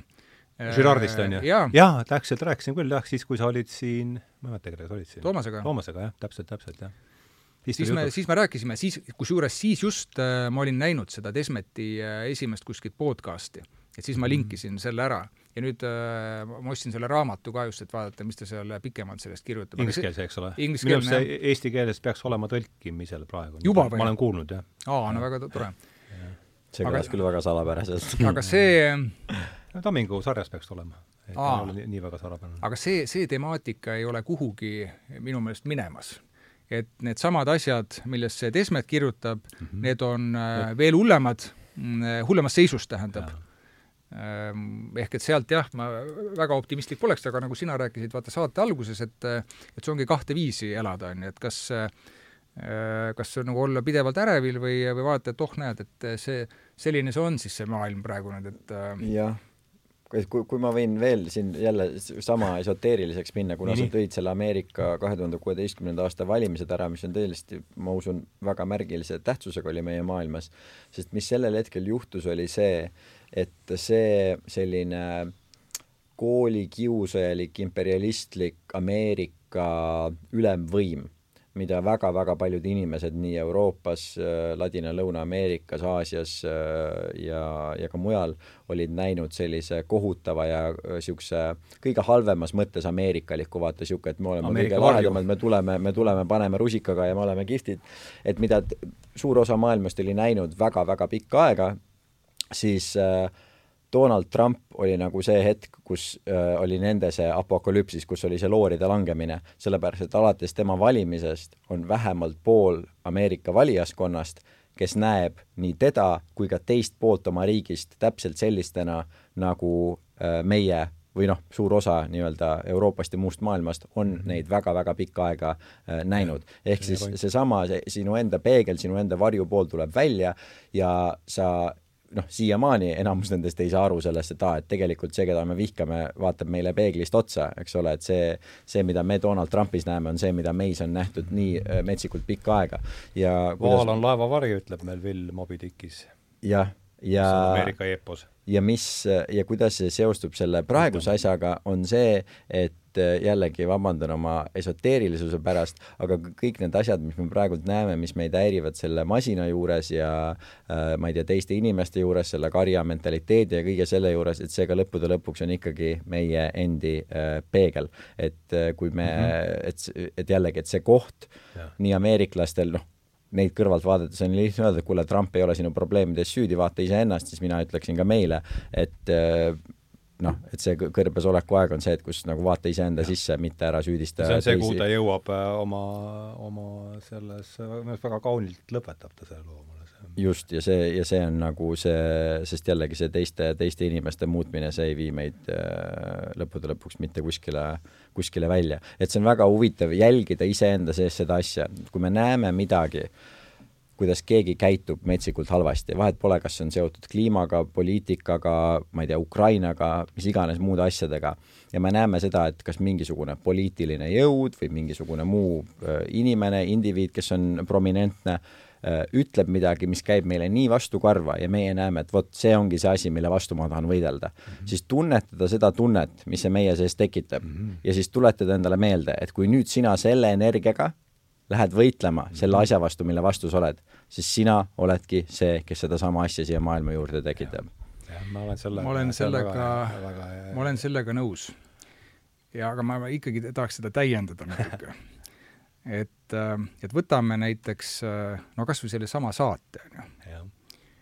Äh, või no mis näite ma veel võiks tuua, et, äh, et mis hetkel oleks võimalik olla vait, aga ei olnud mm. -hmm. et ähm, et miks mul tuleb see meelde, see Mattias Desmet ütleb jälle selle kohta, et, et kuidas, et miks ta usub, et see totalitaarne süsteem hävitab ennast ise, nagu need Mida varem ka Kingsnorth. nagu arvad Kingsnorth ja nagu tegelikult äh, kõik need raamatud, millest me ennem rääkisime, et see süsteem hävitab ennast ise, seal vahepeal kangelased võivad saada hukka, aga nad valivad sellise tee, eks ole, mis on eraldi sellest masinast, eks. aga et sa pead, ta ütleb speak up et sa ei tohi jääda vait mm. -hmm. et kohe, kui sul äh, tekib selline tunne, et kõik ongi selles masinas, et siis ongi ainult üks masin. ja tema ütles, et ta mõtles väga kaua, et kas hakata sõna võtma, sest ta teadis ette, et mis sellest äh, saama hakkab. ja tema otsustas, et äh, tema ei suuda vait olla Mhm. et seal on, et ma ei, ma ei ütle, et, et see, see on noh, vastu sellele, mis sa ütled, aga just, et, et kas sest ma olen kõigega, sest ka see, mis sina ütlesid, ma olen sellega nõus ja, ja siia mina tahaksin lisada, et see sellel hetkel, kus sa tunned, et sa ei saa olla vait, on kõige olulisem asi, mis energiaga sa hakkad ja. rääkima. sellepärast, et Täiesti mina oskan nõus. siin meie oma riigikaaslastest tuua välja väga mitu nime, keda ma isegi ei taha nimetada, sest ma ei taha neile mitte mingit eetriaega anda, kes justkui ka tundsid, et ma ei saa olla vait, aga see energia, millega mm. nad seda tegid ja millega ma tunnen, et ma ise ka seda vahepeal tegin ja ma ei ole uhke selle üle see energia, sa lihtsalt toodad sedasama energiat juurde, see ei ole, see ei ole võim-, et kui sa lähed, kui sa lähed selle mingisuguse viha ja mingisugune ei, teil ei mm. ole õigus, käige, kui sa sellega tuled, siis sa tekitad, sa tekitad sedasama vastulaia ma ütleks, see pigem võib-olla energia asemel sünonüümina mingi häälestatus või mingi sihuke jah, no okei okay,, ma saan aru, see kõlab liiga esoteeriliselt palju aga, aga, aga, aga hääles, aga just seesama häälestatus, sest me tunneme, vaatame, sa tunned iseenda sees ära, et kas ma praegult lähen vihaga, et ei, sa kurat raisk ei tule minu maale niimoodi, muld siin kuradi kartuleid ära võtma mm. et kui sa lähed selle energiaga, sa toodad ainult sedasama kuradi kraavi kaevamise, eks ole, äh, üle jagelemise energiat edasi. et kui sa tahad rääkida, selle kohta kurat ütles üks esimesi neid, kes seda, kogu seda maapäeva ja seda asja alustas, üks esimene selline see uh, environmentalist, eks ole, mis eesti, eesti keeles siis õige vaste sellel on? keskkonnaaktivist. keskkonna, keskkonnaaktivist, aga kes oli ikkagi, ta oli ka poeet, oli luuletaja, ta oli, ta ei ole üldse mis ta nimi on ah?? mis ta nimi on? Mul ei tule praegu pähe, ühesõnaga, ta on nüüd, nüüd pakun juba mõnda aega surnud, aga just, just, just on kindlasti aastaid juba surnud. aga temalt küsiti sellepärast, et tema juba rääkis sellest viiekümnendatel, kuuekümnendatel ja kõik asjad, eks ole, mille vastu ta oli hoiatanud, kõik oli läinud aina hullemaks ja hullemaks ja hullemaks ja enne tema surma jällegi mul tulevad pisarad silma selle peale, see on nii ilus minu jaoks, ma olen väga tundlik meesterahvas äh,. talt küsiti seda, et no mis me peaksime nüüd tegema, et kõik asjad on läinud, läinud palju, palju halvemaks ja ta ütles midagi sellist, et kui te tahate maailma päästa, siis päästke seda sellepärast, et te armastate seda, eks ole. et kogu see energia, see peab tulema sellest, et ma teen seda sellepärast, et ma armastan. ja siin on kaks väga erinevat asja, et kui sa lähedki tõesti kuskile tänavale, sa otsustad oma suu lahti teha, sa otsustad midagi ette võtta, sellepärast et sa armastad oma perekonda, sa armastad oma lähikondlasi, oma riiki, rahvust, kogu maa inimesi, palun väga, tee selle pärast. aga nii paljud inimesed, nii palju lihtsam on hakata tegelema sellepärast, et ei, ma vihkan neid, ma vihkan neid, ma ei tea, ma ei tea, vihkan pankureid, vihkan ärimehi, vihkan äh, valgeid, vihkan vana, vanamehi, mis iganes, vihkan, vihkan, vihkan. ja kui sinu eesmärk on lihtsalt vihkamist maailma juurde tuua, siis palun väga, mine seda teed, aga see on võimatu, et sa sellise energiaga midagi paremaks teed. mul on nii hea meel, et sa nüüd saate lõppu tõid selle teema sisse, vaata, see on täpselt see armastuse teema, mida, millest ma rääkisin varem. et kui on, äh, olukord on väga hull, isegi kui sul ongi loodud üks maailmakord, on ju, sul on inimesed, kes üksteist armastavad, need suhted, mis tegelikult hoiavad sellise noh, normaalsuse vähemalt lootus elus, on ju? jah, ma, see, kuidas see pläraanduri teema tuli siin mitu korda jutuks, ma isegi võin seda siit niimoodi ah,, mis ma ikka otsin, et äh, see tuli ühest Charles Eisensteini artiklist äh,. Äh, et noh, see armastuse teema tuli siin sisse, aga sellega noh, täpselt võib see plära, pläraandur võib äh, minna kergelt käima, et noh, et, et, et mis, kuidas me seda siis äh, mis me sellega nüüd pihta hakkame, kõik on ilus, eks, aga tema ja tema soovitasid, et alustame tõdemusest, et me oleme selles kõiges koos mm. -hmm. et see on juba esimene suur, suur, äh, suur samm edasi, ma arvan, ja, ja see on hea koht võib-olla, kus hakata kokkutõmbamisele mõtlema, et äh, jaa, et ma ütleks siia ka seda, et kui, kui kõigile inimestele, et kes näevad seda, et me oleme valel teel ja näevad erinevaid nii-öelda pahalasi, olgu selleks Klaus Schwab või Bill Gates või kes iganes, et kui sa tõesti usud, et need inimesed nii-öelda on pahatahtlikud ja viivad meid kuskile valesse suunda, siis üsna lihtne on jõuda järeldusele, et see põhjus ei ole sellepärast, et neid ei ole piisavalt palju vihatud, vaid see põhjus on see, et neid ei ole piisavalt palju armastatud. ehk siis, kui sa tahad midagi muuta, siis õpi Klaus Schwabi armastama, õpi Bill Gatesi armastama, tee seda, mida tegi Ram Tass, Ram Tassil oli seina peal, tal oli oma see väike koht, kus ta palvetamas käis ja tal oli seal kuradi Donald Trump ja tal olid seal kõik kõige nii-öelda kõige inimesed, keda ta kõige vähem sallis sest ta ütles, et maailmas ei ole probleem see, et ma ei suudaks oma guurut armastada või see, et ma ei suudaks kandit armastada, eks ole, neid ma juba armastan, mul ei ole vaja neid siia panna. see armastus enda vastu tuleb lihtsalt. ma panen endale siia nagu postamendile need inimesed, keda ma ei suuda armastada, sest neil on seda armastust ja, rohkem vaja. ja sellepärast on vaja paluda, et ma seda suudaksin. see ei ole vaja palvet selleks, et äh, on, on millega tööd teha endal vähemalt kuule, aga see on ju väga ülesehituslik tõdemus, millega tõmmata vestlus alla sellele kütkestavale vestlusele, et äh, oli vestlus alla sellele joonele. No. oli rõõm teid, teiega siin jorutada kaks stuudiot, et äh, aitäh, Kaarel Ots, aitäh, Aleksander Eri Laupmaa, aitäh, Kaie Puldis, aitäh kõik te, kes te meid kuulate ja kaasa elate ja, ja, ja, ja toetate, et äh, oli suur rõõm äh, minijuubeldada siis, sest saade oli saja seitsmekümnes. palju õnne! palju õnne ja aitäh kutsumast! jaa, ja siis äh, asi ongi nüüd läbi. muusika ja